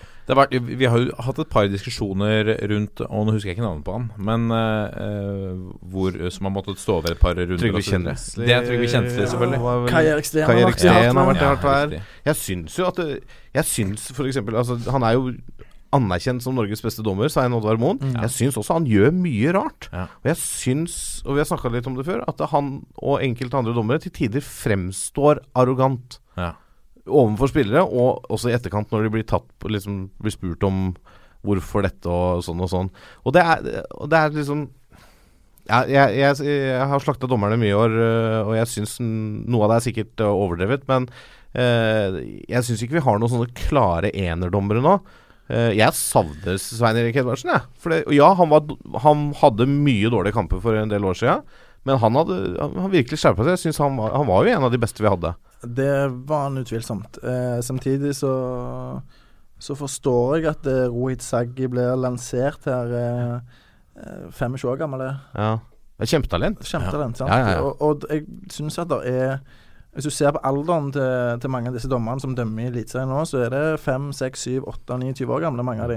Mm. Eh, og da bør du egentlig kun kunne bli bedre, sant. Så Ja, det, jeg, jeg syns ikke det er noen krise. Det Nei da. det er ikke noen krise. Det er et, det er et generasjonsskifte eh, på, i dommerstanden. Og altså, Trygve Kjensli er en etter hvert ganske erfaren type. Men han, han har liksom Jeg syns han aldri har tatt det ekstra nivået som du forventer av en som dømmer år etter år etter år ut og inn. da Den mest utskjelte dommeren i eh, Norge noen gang eh, Gjerne mer internasjonalt enn i Norge, da, men Tom Henning Øvrebø. Han Ja. er vel gjerne den beste jeg har sett, sammen med Rune Pedersen. Ja. Uh, Terje Hauge også var bra ja, Terje Hauge var jo selvfølgelig bra. Men uh, ja. Jeg har lyst til å komme med en henstilling til alle unge dommere der ute. Det verste jeg vet uh, en fotballdommer, er ikke hvis han er dårlig. Det er hvis han ikke takler spontane reaksjoner. Mm. At du har en, et, et så opphøyd uh, bilde av deg selv at Ja. eh, du, du tar alt som kritikk eh, av deg. Men jeg, det, da, da tenker jeg at da kan du aldri lykkes på toppnivå. Nei, jeg, jeg, jeg har sjøl blitt utvist for eh, spontan reaksjon. Eh, eh, klagde på en offside. Ja. Gult kort nummer to rett ut. Eh, men, men jeg tror det har med at er dommere som er usikre på seg sjøl, som på en ja, også, det slår meg som Ja, de er redde for at autoriteten deres mm. eh, blir krenka og, og, sånn. Eh, så ja, det, det, det holder bare ikke å ikke kunne se an situasjonen litt. Der har vi no, nok en gang eh, det som Tom Nordli ofte sier, da, at eh, det er ikke automatisk at å være autoritær gir deg autoritet. Nei, nei, I denne sammenheng mener jeg det jobber stikk motsatt. Jeg er helt enig. Og så en annen oppfordring til unge dommere er at det, har du ambisjoner, Så følg for all del de. Vi trenger alle de dommerne vi kan ha. Men vær forberedt på at du kommer til å få kritikk, for det er en del av gjerningen du driver med. Du må tåle kritikk. Det får du uansett. Og istedenfor å dra opp det gule kortet eller det røde kortet, så mm, forklar hvorfor du dømmer som Ja, du gjør det, heller. Så, så avvæpner du situasjonen, og så skaper du forståelse mellom deg sjøl og mellom spillere, og så neste gang, da, så Og når du får en relasjon til en dommer som liksom du føler at du har eh, snakket med før, og som gjerne forstår deg, så vil du ikke klage så mye heller, automatisk. Nei. Og, og eh, ha glimt i øyet. Mm. Se mye fotball, og skaff deg mye fotballforståelse. Mm. Ja. Selv den dommeren i Norge som har spilt på høyt nivå, altså Obos-liganivå, han har jo til tider fremstår som han ikke har så mye fotballforståelse. Hei, Tore Hansen. Mandalskameratene der, altså. Men altså, det, skaff deg fotballforståelse, for det, Ja. da løser du veldig mye, altså. Absolutt. Les spillet. Um, vi har fått en e-post, ta med en til, fra Marius Seldal, som uh, har lyst til å hylle et eh, initiativ her. Og det, det kan jeg skrive under på. For det er Stavanger Aftenblad eh, som har satt i gang lokalfotballen live, med et eh, fokus på tredje til syvende divisjon nå ut eh, sesongen. Og det er jo selvfølgelig Lars, eh, Lars eh, Fisk, Fisk, Fiskekjønn, ja. Fiskekjønn, også kjent som Lars Avis på, på Twitter. For de som følger breddefotball, er glad i, i ball, også fra Rogaland. Men han er flink til å melde bredt. Ja. Eh, det er selvfølgelig han som står i bresjen for dette initiativet. Det er, det, dette må jeg si jeg liker godt. Ja, altså, jeg òg syns jo dette her er nydelig. Og jeg har sett ehm, Jeg er jo medlem av lokalfotballen Rogaland på Facebook. Jeg ser Ja. jo at eh, dette er blitt tatt veldig godt imot. eh, og fungerer jo bra, så vidt jeg kan se òg, med at han oppdaterer live. eh, og så kommer det jo masse innspill, bilder, video som folk sender inn underveis. Mm.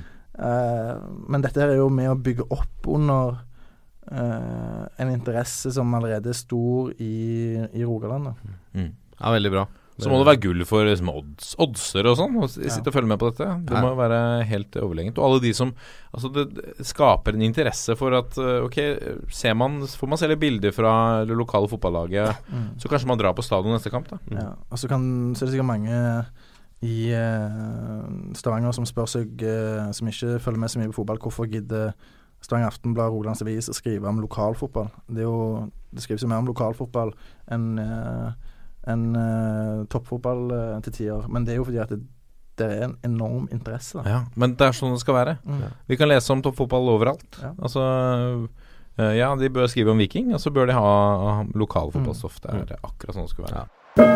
Nå kommer pulsen. Da har vi kommet til pulsen, og i dagens puls skal vi begynne med dette landslagsuttaket. Um, fordi det som selvfølgelig alle snakket om, og nå kanskje med rette Tidligere så har det vært et hylekor uten like, og det hylekoret stilte opp nå også. Men det er kanskje større forståelse bak dette at Martin Ødegaard burde kanskje vært med, ut fra hva jeg har sett på Vært med, Ja. Ja, Det syns jeg absolutt. Uh, han leverer jo på mye høyere nivå nå i Heerenveen enn det han har gjort eh, Eller det han gjorde i fjor, og, og det han har gjort siden Strømsgodset-tida, egentlig. Nå presterer han veldig bra på et lag som ligger som nummer to i Nederland.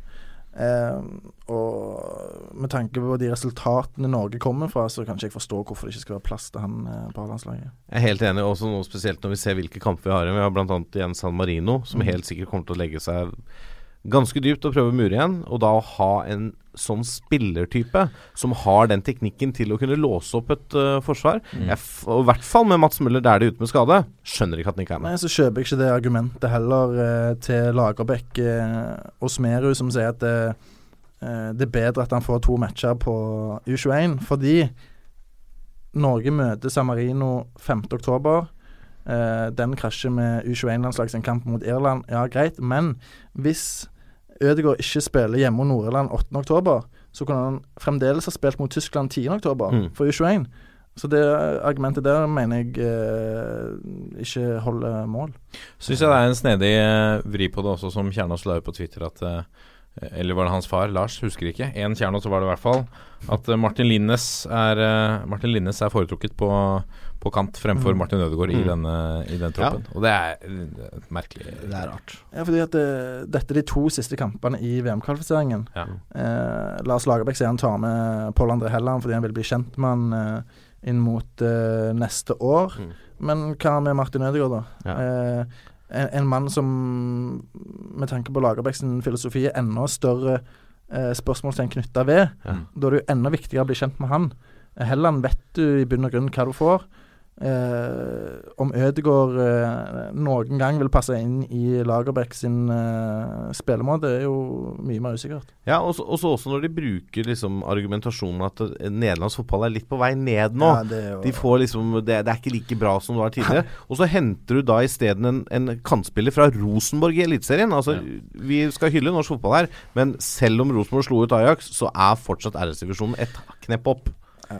Ja, det må vi kunne si. Hvis vi går nedover, eh, eh, går gjennom troppen her litt også, eh, så stusset jeg på eh, før sending i dag at Bjørn Mors, Mars mm. ikke er med. Ja.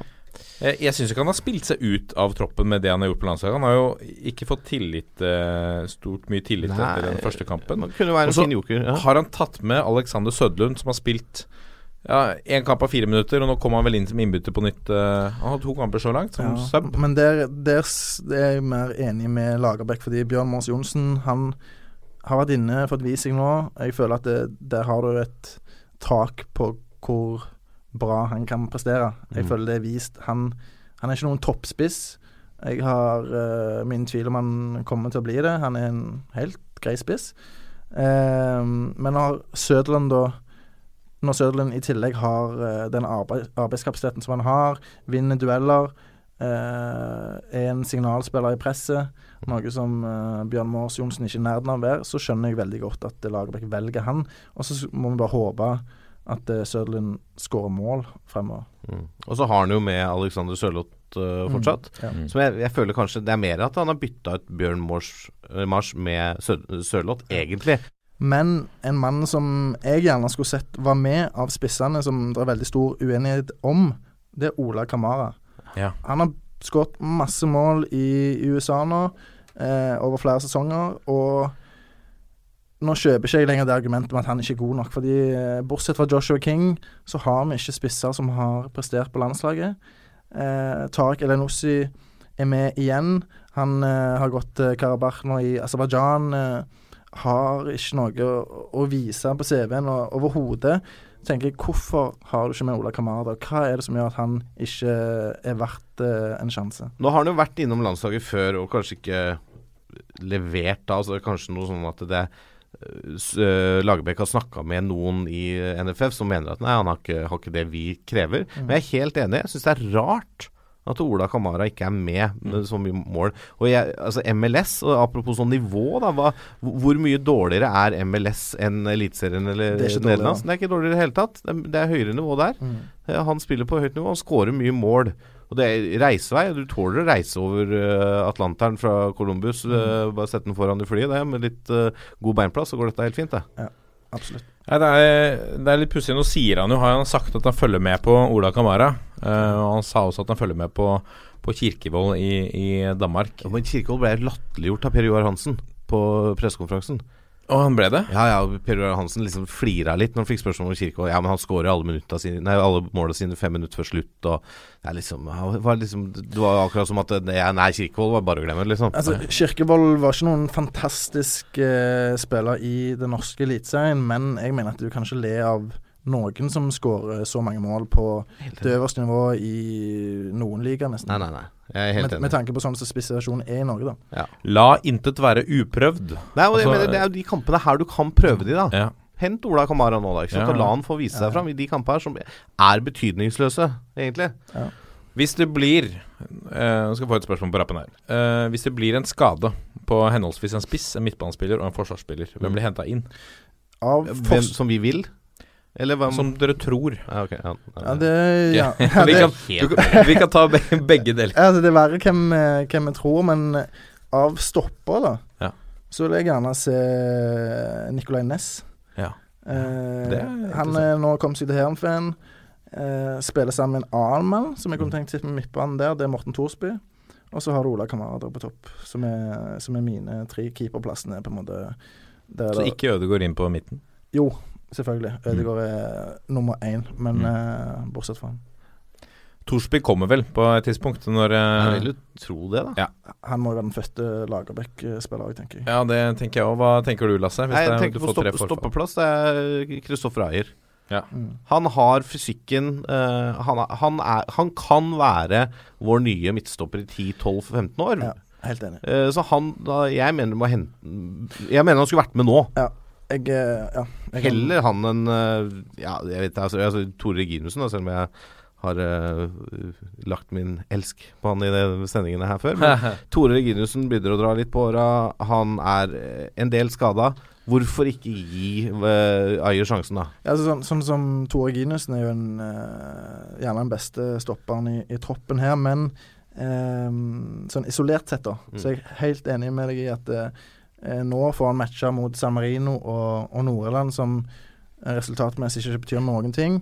Spill inn Eier, spill inn Ødegaard, gi dem mulighet. Og Jeg syns Ayer har vist, både da han var i start, og når han gikk til Celtic og fikk noen kamper der, og når han spilte i Europacup nå tidligere i år, eh, at han, han tar det nivået han spiller Ja, på, han.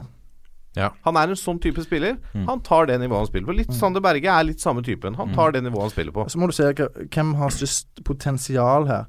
Hvem kan utvikle seg, sant. Er det er det Kristoffer Eier, eller er det Gustav Walsvik? Veldig gode poeng. Eier La oss uh, gå videre. Det, vi skal vel uh, Vi er jo aldri ferdig med landslaget. Um, men, men vi må, når vi har en rogalending i studio som har litt uh, fotballpeiling, og attpåtil har en kamp i vinterkulda for, for Viking, så må vi spørre deg, Bårdsen. Hvordan er det å følge Viking i år? Det er et veldig dumt spørsmål, men det må stilles. Ja, altså Det er jo tungt for alle som uh, er glad i Viking. Nå har jeg fått et litt mer distansert forhold til klubben etter jeg begynte å jobbe som journalist. eh, men eh, det har jo vært tungt i, i mange år. De har jo ikke Det har knapt vært et høydepunkt der siden Viking slo Chelsea i ABUFA-cupen i 2002.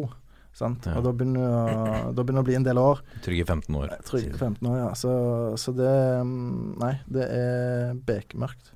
Men hva er det som skal Altså, hva skal til for, for å løse dette? Og er, er, er det en automatikk her at hvis de går ned, er de for gode for Obos-ligaen? Kommer Nei. de til å gå rett opp igjen? De er overhodet ikke for gode for Obos-ligaen. Nå har de en uh, god del spillere som uh, kom inn i sommer og skrev under kontrakter ut sesongen, uh, som forsvinner etter siste seriekamp er spilt. Og da står de igjen med ei gruppe med, med spillere som har vist at de har et greit eliteserienivå inne, men uh, som overhodet ikke er for gode til å spille i, i Obos. Så det det blir beintøff sesong i Obos-ligaen sånn som det ser ut nå. Og eh, med tanke på hvordan klubben er stilt Det er 70 millioner kroner i gjeld. De kjemper akkurat nå for å få solgt stadion til kommunen uh, for å bli kvitt Er det noe oppside for kommunen? Nei, de, kommunen må gjøre det nærmest som en tjeneste. Ja. Um, men Viking er avhengig av å bli kvitt gjelda. Ehm, de må kutte 15-20 millioner eh, ved et nedrykk eh, i et allerede tynt eh, budsjett. Eh, kutte administrasjon eh, Og det er ikke så mye igjen å kutte i den klubben nå. Så jeg er bekymra for hva som skjer når Viking nå rykker ned. Ja, for det, det tror jeg vi kan være enige om. Viking rykker ned. Mm. Altså Det er ikke noe det er ikke noe hope in hanging snoren lenger der. Altså. De går ned, og helt enig med deg. Altså, Viking har gjort disse mm, litt sånne panikkhentingene nå i sommer. Så de har ikke noe stamme i stallen når sesongen er ferdig, til å bygge videre på Obos. Det, jeg tror egentlig Viking forbereder seg på å være et Obos-lag noen år, og satser på at de klarer å komme seg litt på midten der. Og kanskje utvikle noen spillere, for å så komme opp igjen om noen år. Ja, altså, jeg, jeg tror ikke Viking forbereder seg på å være et Obos-ligalag i noen år. Det tror jeg ikke. De ønsker å gå rett opp igjen, og de Men klarer de det? ikke sant? Ja, det, det er tvilsomt. Ja. Eh, men eh, for interessen i Stavanger å, å bli værende i Obos-ligaen, og i verste fall så kan du jo gå ned et nivå til. Såpass tøff er Obos-ligaen. Eh, og med en så økonomisk skakkjørt klubb som Viking er nå, så, så vet du aldri hva som skjer. Og hvis da Ulf i tillegg går opp, ikke sant? Ja, det kan, det kan er det er et maktskifte på gang. Eh, men eh, nei, det Viking går eh, et veldig spennende år i møte. Jeg lurer på hvordan situasjonen er i klubben om et år fra nå. Da vet vi ganske mye mer. Men jeg håper jo at eh, de får ordna opp i økonomien nå i vinter, sletta gjelda. Um, er jeg mener jo at det ikke er positivt å selge stadion eh, på samme tidspunkt som eh, Rosenborg bruker 45 millioner på å kjøpe de resterende aksjene i Lerkendal. Um, så så det, det er ikke bra, men Viking gjør det de må gjøre nå. Så må de få klubben bredt sjøl igjen økonomisk, og så kan de begynne å, å bruke penger på det sportslige igjen etter det. Worst case så kanskje Stavanger kommune gjør som eh, de gjorde i, uh, i Bærum, vet du. At eh, de kaster ut fotballaget, og så fyller uh, fotballbanen med Justin Bieber isteden. Ja. Det, det, det kommer til å skje. Så eh, Stavanger-politikerne har allerede sagt at de er positive til å, å hjelpe til. Og det blir jo da med et uh, stadionkjøp, mest sannsynlig. Ja. Men Jeg håper det Ja. lykkes, fordi at jeg vil ikke at Det hadde vært så leit om Viking gikk på en lyn, da, for å si det sånn. Mm. Ja. Og måtte gå, gå veien ned til fjerde. Men det er så mange sterke eh, personer, eller ressurssterke personer i Stavanger, at det er en lyn eh, Nå er det mange ressurssterke personer i Oslo òg, men en lyn eh, har jeg vanskelig for å se Viken gå på. Men det må skje noe der nå. Det, det må tas grep, og jeg håper de lykkes. det er vel mange Atle Brynestads der nede. Eh, la oss håpe at det ikke er så mange Morgan Andersens. Men eh, Oi! Der fikk du den. Nei. Eh, men helt til slutt, i og med at du, du snakket om dette med og, lokal forankring og, og unggutter. Eh, jeg ser for meg at dette kan være en gyllen mulighet for, for de til å Om de får til å spille dette laget opp igjen, da kanskje man skaper den lokale interessen. For jeg syns selv om Viking alltid har Ok, det har vært en sånn middelhavsfare på tabellen, og så har de lukta litt medaljeplass og tatt det et par ganger. Men de gangene jeg har vært i Stavanger, så er det sånn Ja, men Viking, ja, du vet Ja, altså, Det er ikke den derre Ja, er, de kommer til å klare det i år. Det er en Nei, sånn, nei, nei. veldig sånn avslappa altså, holdning til Ja, det blir jo litt sånn når du har blitt skuffa år etter år etter år, så på en måte orker du ikke ha så store forventninger, da. Så, men, Men er det tror, Sorry at jeg er litt på dette, men, eh, men er det sånn at Stavanger har et mål om medalje hvert år? altså, Ole Rugland, eh, som har vært styreleder i, i forskjellige eh, vikingstyrer i en eh, årrekke, han eh, er jo det var på midten av eh, 2000-tallet eller uh, noe sånt, at uh, Viking samler ikke på femteplasser. sant? Eh, og fikk en tredjeplass i 2007 under Ove Røsler. Det er det beste som har vært uh, siden eh, Siden 2001, var det vel. Da var det tredjeplass sist. Um, så, så det er ikke mye å, å feire. Det har ikke vært mye å feire i Stavanger nå på lang, lang tid. Ehm, men ja, få inn lokale spillere. Har Tommy Høiland, han er fra Bryne, men uh, han blir sett på som en lokal spiller. Du har uh, André Danielsen, uh, som har fått mye kritikk de siste sesongene, men som er en lokal gutt. Du har Kristoffer Haugen, opprinnelig fra Sandnes, men likevel, dette er lokale gutter. Ehm, de må ta ansvar, og forhåpentligvis så kommer der noen talenter òg eh, fra egen avdeling eller fra andre klubber rundt som kan være med å, å styrke laget. Men de spillerne som jeg har nevnt nå, er ikke gode nok til å spille Viking rett opp. Det er derfor jeg er litt bekymra for hva som skal skje. De, stallen er så tynn. Jeg tror det er 16 mann på kontrakt eh, til neste år. Um, og, og sånn som det ser ut nå, så er det ikke penger til å liksom hente eh, en Christian Fardal Opseth, sant? Eller en Det er ikke penger å hente Endre Cooper engang, sant? Nei. Og da, da blir det tøft. Men apropos Kristoffer Haugen. Han var jo aktuell for Vålerenga i Mm. vinter, Mm. og uttalte da at han ville ikke spille for noen andre eh, klubber i Eliteserien enn Viking. Ja. Hva skjer når Viking rykker ned? Blir han med ned da, eller er han da aktuell for Vålerenga eller Molde, eller hvor? Han, han øh, har jo ikke hatt den beste sesongen. Nei, nei. Men han er jo en mann med ferdigheter som, eh, som er bra. Um, burde ha passert bedre i år enn han har gjort. Kom seg litt nå mot slutten, hadde en god kamp mot uh, Haugesund uh, sist. Men uh, ja, hvis Viking rykker ned, så, så må jo han tenke på sitt eget beste òg. Og da ser jeg for meg at han fort kan gå til en annen klubb. Dette er toppfotball. Og så skal vi se nærmere på neste eliteserierunde, og vi begynner eh, på Nadderud, uh, Mr. Wangstein. Ja, lørdag klokken 18. Eh. Niendeplasserte Stabæk tar imot ellevteplasserte Vålerenga. Ja. Ordentlig toppoppgjør der, altså. Ja. Nei, det er, det er en viktig kamp for begge lag.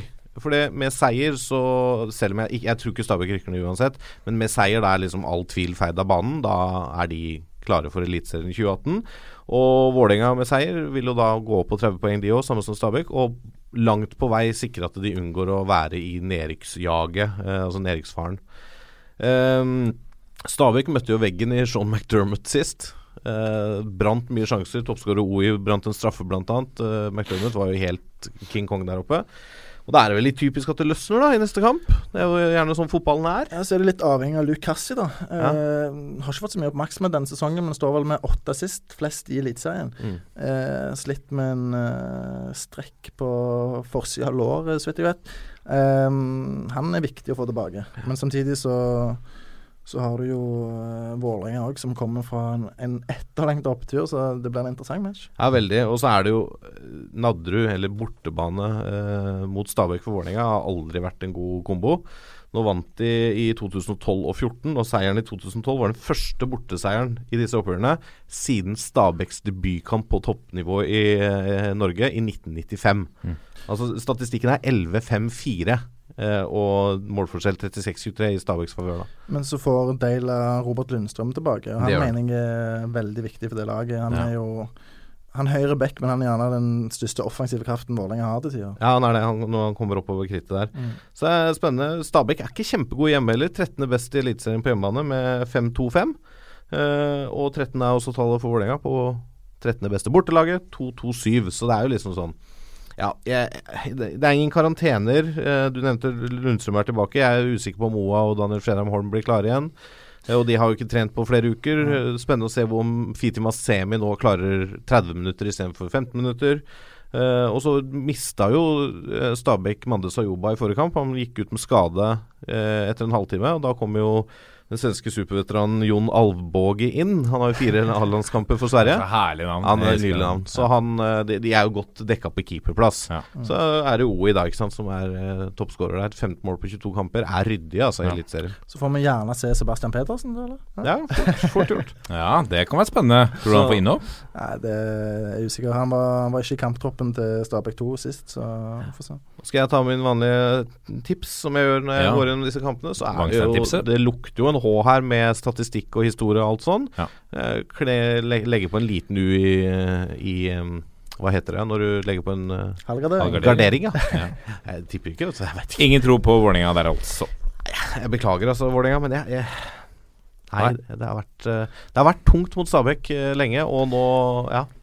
Og, spesielt når Stabæk nå brant så mye sist, ikke sant. Men jeg tenker to lag som eh, er redd for å tape. Jeg syns det lukter nå, jeg. Ja, ja. Mm. Jeg slang på den.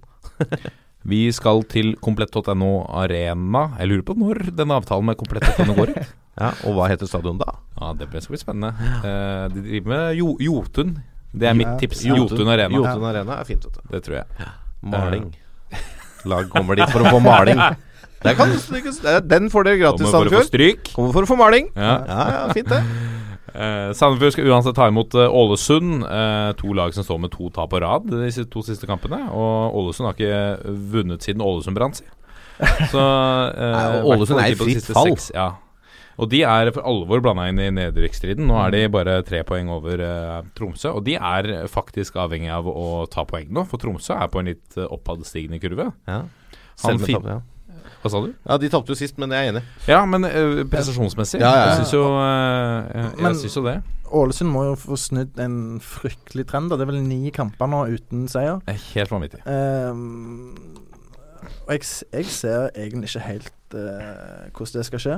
Um, syns eh, Sandefjord eh, har eh, levert en bra sesong totalt sett. Uh, ja. husker hvordan det gikk med de sist de var i Eliteserien. Eh, tatt mange steg siden det. Henta inn et par mann i sommer som har vært vellykka.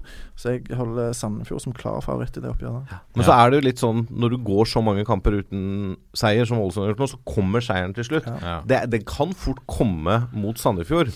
Eh, for det, Sandefjord er et sånn ubestemmelig lag. Du Mm. får aldri helt taket på dem. Plutselig vinner de en bortekamp som ingen forventer. Og så plutselig taper de hjemme når alle forventer at de skal vinne. Mm. Så det er sånn der, Jeg hadde jo helgardert den lett, for det er uh, helt umulig å tippe. Og Ålesund begynner å bli desperate. Mm. Og så er jeg spent på å se om Ålesund uh, faktisk nå bruker Gyasi i hele kampen. For han er så god når han er på banen. Og at ja, jeg skjønner han har gjort mye gærent og ikke kommet på trening og ikke krangla med treneren og alt det der, men eh, hvor lenge skal de straffe? Hold dere i Eliteserien og sparken etter sesongen. Ja, ikke sant. Et eller annet sånt, altså. Han er sikkert sur fordi han ikke gikk i sommer òg, men allikevel han, han må jo spille. Jeg husker uh, Jesper Mathisen hadde tabelltips uh, i TV 2 før uh, sesongen. uh, og Da møtte jeg ham på han og flere andre, bl.a. Bjørn Helge Riise, på Avspark, dette Mm. arrangementet som er på Ullevål stadion. Og da eh, var Bjørn Helge Riise ganske forbanna på Mathisen på at han tippet de på nedrykk. Ja. Eh, og det, det så lenge ut til at Ålesund kom til å gjøre kritikerne til skamme. De var på fjerdeplass. Ja, ja, de var langt der oppe. Og nå har de falt eh, kraftig, altså. Ja, ja. Uh, vi må til, uh, til Stavanger og Viking uh, Strømsgods, uh, Bårdsen. Ja, det lukter et nytt tap for Viking. Det gjør det. Um, Strømsgodset er bedre lag, rett og slett. De har jo gjerne vært en av de største overraskelsene denne sesongen, med tanke på hvor mye Strømsgodset har slitt. Um, men uh, Strømsgodset har mange bra spillere. Viking uh, Der har både publikum, spillere, uh, trenere begynt å, å innse nå at uh, løpet er kjørt. Um, de er i hvert fall avhengig av en god start på den kampen. Eh, slipper inn det første målet, så tror jeg eh, matchen er kjørt for Vikings del. Ja. Hvis du hadde Men jeg tipper at eh, Viking tar ledelsen. Ja, helt sikkert. Godset utligner etter 80. Tommy Høiland skårer. Tommy Høiland skårer først. Uh, Godset utligner etter 80 og avgjør etter 92. Ja. Vær så god. Hvis du hadde eh, Det som slår meg når jeg ser på tabellen nå Hvis du ikke hadde sett på tabellen hele året, Mm. og bare basert deg på inntrykket du har fått fra media Du hadde ikke da tenkt at Strømsgodset ligger nå på en sjetteplass, Nei, eller at eh, Odd ligger på en, en syvende. Altså eh, Godset har jo vært langt nede. Ja, de var jo i nedrykksfare, de. Ja, ja, ja. Men, men så ser du gjennom det, det, det er syv poeng fra Strømsgodset på sjetteplass til Ålesund på kvalik. Ja. Så det er ekstremt jevnt. Det er, er det. Det er det. Men det er sånn um, med Viking og det Altså Jeg lurer på åssen tabellen hadde sett ut hvis du hadde avblåst kampene etter 80. Da hadde jo Viking eh, sannsynligvis eh, lukta på e-cup. Det, Det er sykt, det. det, er, det må være bittert Det er bittert. For Viking. Um, Tromsø, Lillestrøm. For Tromsø så er dette Vi snakket om det. Nå er det De er på den oppadgående kurve selv om de tapte Mm. sist. Uh, men heldigvis for, for de som ligger nede i sumpa, så er det jo håp for alle. For det det er mange dårlige lag i år. Ja, det, er, det, det ulmer fortsatt på dass i, på Alfheim, da, for å si det sånn. Ja. Det brenner ikke helt ennå, men det er en viktig kamp for bunnstriden. Ja. Cupfinalist Lillestrøm er jo i skjæringspunktet mellom nedrykksstrid og sikker plass nå. Eh, de tapte jo så forventa mot Rosenborg hjemme sist. Eh, men de har jo da én seier på sine åtte siste kamper, og hvor fem av de er endt uavgjort. Men de, de har slitt med å avgjøre kamper i det siste i Eliteserien. Og Tromsø eh, er tre poeng bak kvalik, men har hatt en liten opptur nå. Var solide selvfølgelig mot et B-prega Sarpsborg, og uavgjort sist hjemme mot Odd i hengekampen. Så det, dette er jo en sånn derre ja, jeg vet ikke. Og historisk sett så er det jo ikke kjempestas for Lillestrøm å reise til Tromsø. 1884 er statistikken mm. der oppe. Lillestrøm har ikke vunnet på Alfheim siden 2008. Så det er klart at uh, Og Lillestrøm mangler Marius Amundsen, som fikk gult kort mot Rosenborg og karantene. Stopper, stopper uh, kompisen til Kippe. Ja. Så det, jeg har Tromsø som en liten eh, favoritt der. Men hvis Tromsø blir litt grann, eh, høye og mørke og litt offensive, så er altså Lillesund ligger dypt og kontrer. Ikke sant? Det er kjempeskummelt når uh, Knutson setter fart på beina. Det blir spennende å se hva slags eh, betydning den nye signeringen til Lillestrøm Morten Stokstad er, da. Ja, altså Han begynner ikke før 1. november. Han- han gjør ikke det. Han, Hva slags rolle har han fått, egentlig? Eh, kommunikasjons- og samfunnsansvarlig eller noe sånt? ja, ikke? han Ja. skal prøve å få øke inntektene for Lillestrøm primært. da. Men eh, apropos Stokstad, han var jo veldig høyt oppe på jobb her på fredag etter cupseieren mot eh, Molde. Ja. Så sa han til meg eh, Tenk at du, Joakim, kunne tippa Lillestrøm i nedrykkssiden før sesongstart. Mm. Og så eh, spilte de en kamp i helga og tapte så det sang mot Rosenborg. Og nå er de tre poeng fra kvalikplass. Um, taper de nå mot uh, Tromsø samtidig som Ålesund uh, vinner. Ja, sant. Så, så ser det plutselig skummelt ut uh, for Lillestrøm. Men eh, Stokken han maner på ute på Twitter, så da går, det løser seg dette. For, men altså Lillesund kommer aldri til å rykke ned. Nei. Altså Vi må bare bli ferdig med det. Ja. De kommer Ja. til å, altså, vi kommer til å sitte her om 40 år. Ja, nå har Lillesund vært i Eliteserien i 82 år på rad. Men det er alltid tolvteplass, da. Jeg er ikke tilhenger av dette, denne kyniske tilnærmingen til, til spillet som Arne Erlandsen står for i utgangspunktet, men eh, all ære til han eh, så lenge det går bra. De har Mm. kommet til en cupfinale nå. Uh, og det taler jo for så vidt til fordel, fordel Lillestrøm òg, at det, de er kyniske uh, nå når de skal stå Jeg tror det kommer til å redde de i året også. Ja. Uh, og de, det de henta ham fordi nå skulle det være resultater. De skulle klare seg. Det er jo det viktigste målet der oppe. Det er jo å holde plassen. Ikke så farlig åssen det går ellers, så da er det jo på en måte Det klarer de. Jeg tror de klarer det, selv om de bare er tre poeng fra kvalik. Vi eh, skal videre til eh, laget som skårer færrest mål i årets eliteserie. Og det ligger ikke på nedre halvdel, men det er Odd på syvendeplass. Og det er en ganske utrolig historie, synes jeg. Ja, det er helt sykt. Eh, 22 skåra mål på 23 kamper og det ligger på syvendeplass. det skulle ikke vært lov. Nei, de skulle jo ligge der nede sammen med Viking, det. Ja. Og nå sist så, så vant uh, Sarpsborg vant fortjent, uh, syns nå jeg. Ja, ja. Selv om, uh, selv om Fagermo var det, er, det er fantastisk å se ham, for han var jo selvfølgelig ikke enig i det. Eh, han mener jo at, uh, at eh, Rossbakk var jo knapt i aksjon, mens, uh, mens uh, Sarpsborg-keeperen eh, var nede opptil to og tre ganger. Så, eh, men eh, han har sett en annen kamp, eh, kanskje. Han Eh, ser veldig ofte andre kamper enn alle andre, føler jeg. ja, Han ser mye fotball, sikkert. Ja, han gjør det. Går litt i surr, vet du. jeg, jeg så El Barashani i dag var ute i eh, Eller i dag eller går var ute i Varden, lokalavisa i Skien, og etterlyste litt mer offensiv tankegang og angrepsfotball. Altså de, de sliter med det der nede. Og det, Det er litt rart, da. ja, jeg også syns det. De har flere spillere som kan gjøre det, Ja, og det er jo og et som har gjort det. Og det er et lag som har uh, et tydelig mønster i spillet sitt. Uh, uh, som har skapt masse sjanser, som har vært artig å se på nå i, i mange år. Så det er overraskende at de sliter så mye offensivt som, som de har gjort så langt i, i 2017. Ja, Haugesund på sin side. Uten tap på de fem siste. Uh, de slo jo Viking nå, eh, nå sist, uh, hjemme, etter en uh, scoring på overtid. Ja, De er jo kanonform. Det er jo et av Eliteseriens store formlag Ja. sammen med Rosenborg. Det er jo et kynisk lag. Erik Horneland Det som betyr noe for han, det er jo å forsvare seg, først og fremst. Og, og det legger han ingen skjul på. Eh, men det har jo vært vellykka, eh, og der er det jo stor entusiasme på hjemmebane og sånn. Nå skal de spille borte på det som i utgangspunktet er en vanskelig arena. Men eh, jeg tror det ligger an til en tøff match for Odd. Ja, altså Haugesund har bare skåra 28, de òg, og sluppet inn 23. Så det, det lukter jo en litt sånn halvtam 1-1 her, da. Ja, Men de er, som du sier, de er kyniske, og da, før Vikingkampen så kommer de fra en eh, Det må vi må uansett kunne si en sterk eh, 1-0-seier borte mot Sogndal. Ja, ja, det er et all eh, tøft lag å møte, det òg. selv om de ligger nede i, i sumpa der, de også. Ja. Uh, hva med Apropos uh, Sogndal, nå tar de mot, uh, mot eh, Molde. Det er en eh, det er, en over, er det en overkommelig oppgave for eh, ja, altså, Erik Bakke? Molde òg er jo i bra form, men uh, jeg syns jo Sogndal er en nydelig klubb, da.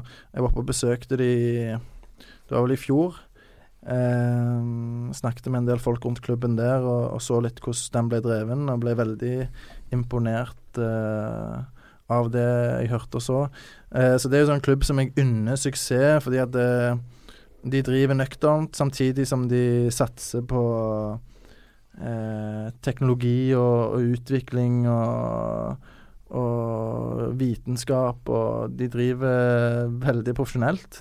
Eh, har stor oppslutning i, i bygda, eh, og masse fine typer, da. Så Sogndal syns jeg alltid er et fint eh, eh, tilskudd til Eliteserien. De er, ganske, de er forholdsvis solide bakover òg. De har, har noen ordentlige mannfolk kan stoppe i den slags 3-5-2-varianten sin. Eh, Molde kommer jo og kan på en måte få en liten hånd på en medalje med seier her. Eh, så det er to lag som har mye å kjempe for, da, for Sogndal er jo bare ett poeng over kvalikplassen nå. Eh, så jeg tror dette kan bli en ganske spennende kamp hvor eh, jeg tror ikke det ser ut som at Molde er bortelaget, for å si det sånn. Det, er, det kommer til å se ut som Sogndal er bortelaget, men det er sånn Ja. de spiller.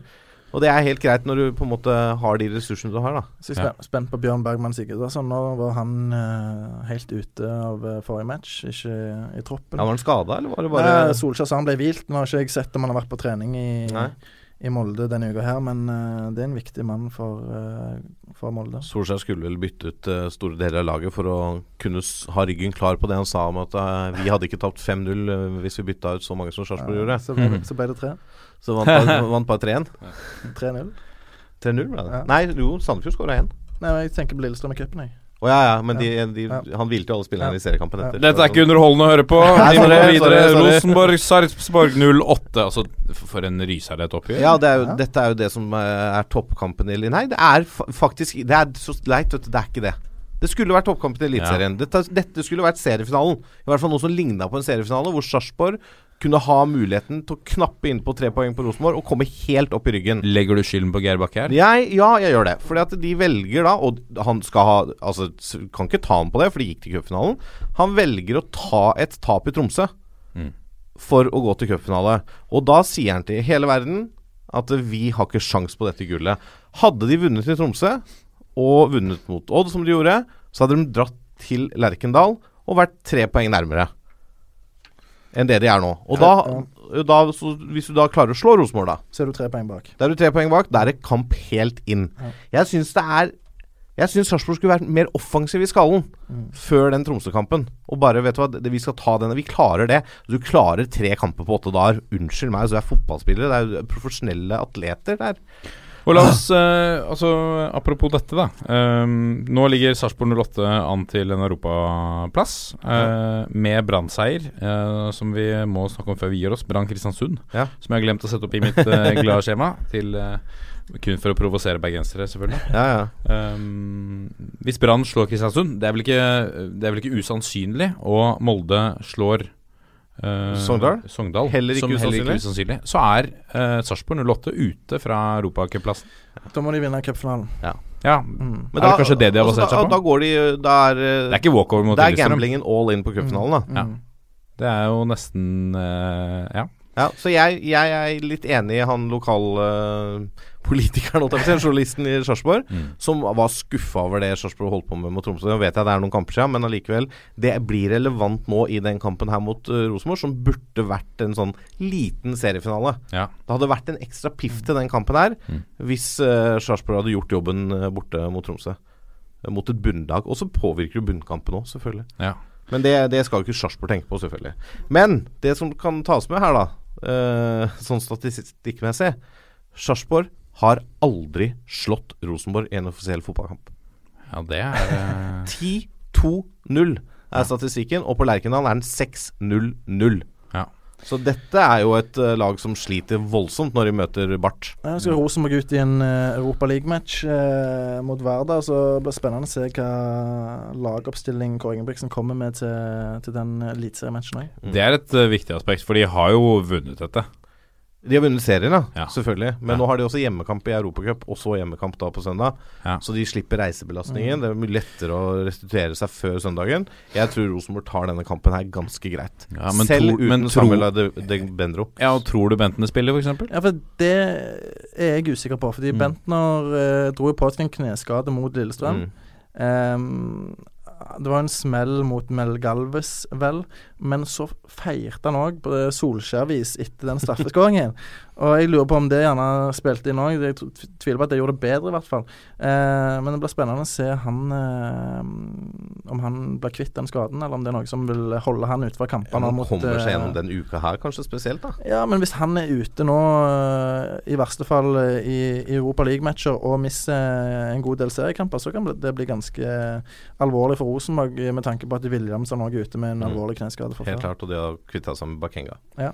Før vi gir oss, så må vi selvfølgelig ta for oss Brann eh, Kristiansund. Uh, Brann som vi, vi snakker om er helt der oppe, og de, eh, hver kamp nå er viktig for å, for å sikre en europacupplass. Ja, og så eh, de, var, de var jo et av formlaga. eh, selv om de tapte nå sist mot uh, Vålerenga, så hadde de vel fem-fire seire på rad eller noe sånt før det.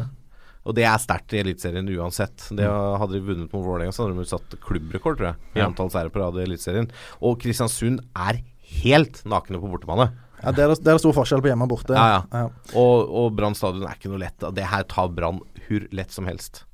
Men er det, hvordan eh, står det til på Brann stadion? Er det mye folk som kommer og ser på? Altså Klarer de å holde et, eh, vel, et høyt snitt her? Det kommer vel 10 000 her, da, tenker Jeg jeg. tror- 10 000-12 000? Ja, eh, jeg tror snittet ligger rundt der, ja. Eh, Men det er òg Nå har Bråten vært ute med skade lenge. Han hadde jo en veldig god vårsesong. Så har Vega kommet inn og gjort det veldig bra, minus uh, matchet mot Vålerenga sist. Uh, uh, men sånn Brann er jo et det er et solid lag, da. Det er et solid lag, og de har kanskje Eliteseriens beste stopperpar. Ja. I Costa og Wormegård. De er solide, altså. Ja. Det er ikke lett å komme gjennom der. Eller slå de i duellspillet. Nei, altså Godt organisert, sant. Ja, ja. Og så har du to muskelmenn på midtbanen, og Barmen og Sivert Helt Nilsen. Og så har du Haugen som ligger og strør på sida. Så det er godt sammensatt Ja, lag. Ja, veldig, veldig godt sammensatt lag, og jeg, de tar Kristiansund lett hjemme, altså. De gjør det. Og da, da er det fort som vi snakker om Sarpsborg på fjerdeplass. Ja, For meg så spørs det hvor desperate Kristiansund er i den kampen. De må, de må kjenne på at det her er det en cupfinale for oss. Hvis de tenker at det eh, eh, Brann i Bergen er så tøft at vi trenger ikke ta poengene våre her, da, da har de jo tap på forhånd. Mm. Men eh, det blir spennende å se hvordan Kristiansund kommer ut og angriper den kampen. her. Det er gøy å spille foran 10 000 mennesker, da. Det er Ja, ikke ja, det. så ofte du opplever det i Ja, Eliteserien. Ja, det, er, altså, det, er, det må jo være gøy for hvilken som helst fotballspiller i Eliteserien å komme til Brann stadion, tenker jeg. Høre den derre sabla sangen før Ja, ja, men Det er kanskje ikke så gøy, men med det trøkket på stadion. Det, Ja. det pleier jo altså Brann-supporterne er flinke, de, altså. ja. Men der, der har du en, eh, en klubb som eh, er herlig å følge med på. Sant? Det er sånn, de verdsetter det å spille Eliteserien så høyt. da sant? Det, eh, De koser seg. Ja, de koser seg. De syns at det er noe som eh, de må utnytte for alt det er verdt. Eh, så jeg syns det har vært veldig moro å ha Kristiansund i Eliteserien. Mm. Helt enig. Vi skal runde av. Før det så må vi ønske uh, Rosenborg lykke til uh, i Europaligaen. Mot Vardar. Mot ja, Vardar. Det er en uh, kamp de vel bør og skal vinne. Det er iallfall en kamp de må vinne hvis de skal gå videre for den Ja, det er også helt klart. Men det er klart eh, ja, Hjemme mot uh, Vardar Skopje, det, det bør være seier uh, for Rosenborg, altså. Ja, og vi alle som er glad i norsk fotball, bør heie på Rosenborg i den kampen. Uh, Det, Ja, Men nå er de dette jævla gruppespillet likevel, så Ja. det er jo bare å heie på dem. Kan like gjerne gå videre, si. Joakim Bårdsen, tusen takk for at du kom. Jo, veldig hyggelig. Du er hjertelig velkommen tilbake. takk for det. Ja, det er du også, Vangs. Det Er jeg er unødvendig å si. ja, det er hyggelig. Setter jeg voldsomt pris på, altså. Vi er Toppfotball på Facebook, Twitter og Instagram. Gå inn, legg ned rating, så blåser vi den ut på lufta her. Og send oss gjerne en e-post til toppfotball at 451.no, som folk har begynt å gjøre, og det, det hyller vi. Vi liker det. Tilbakemeldinger og, og gjerne spørsmål eller ting man vil vi skal diskutere. Temas og tips. Temas og tips. Så må vi avslutte. Og nå er det spennende å se om denne gjesten er med på hvordan vi pleier å avslutte. Fordi vi avslutter sånn som vi pleier å gjøre. Vi er en gjeng. Ha det! Ha det!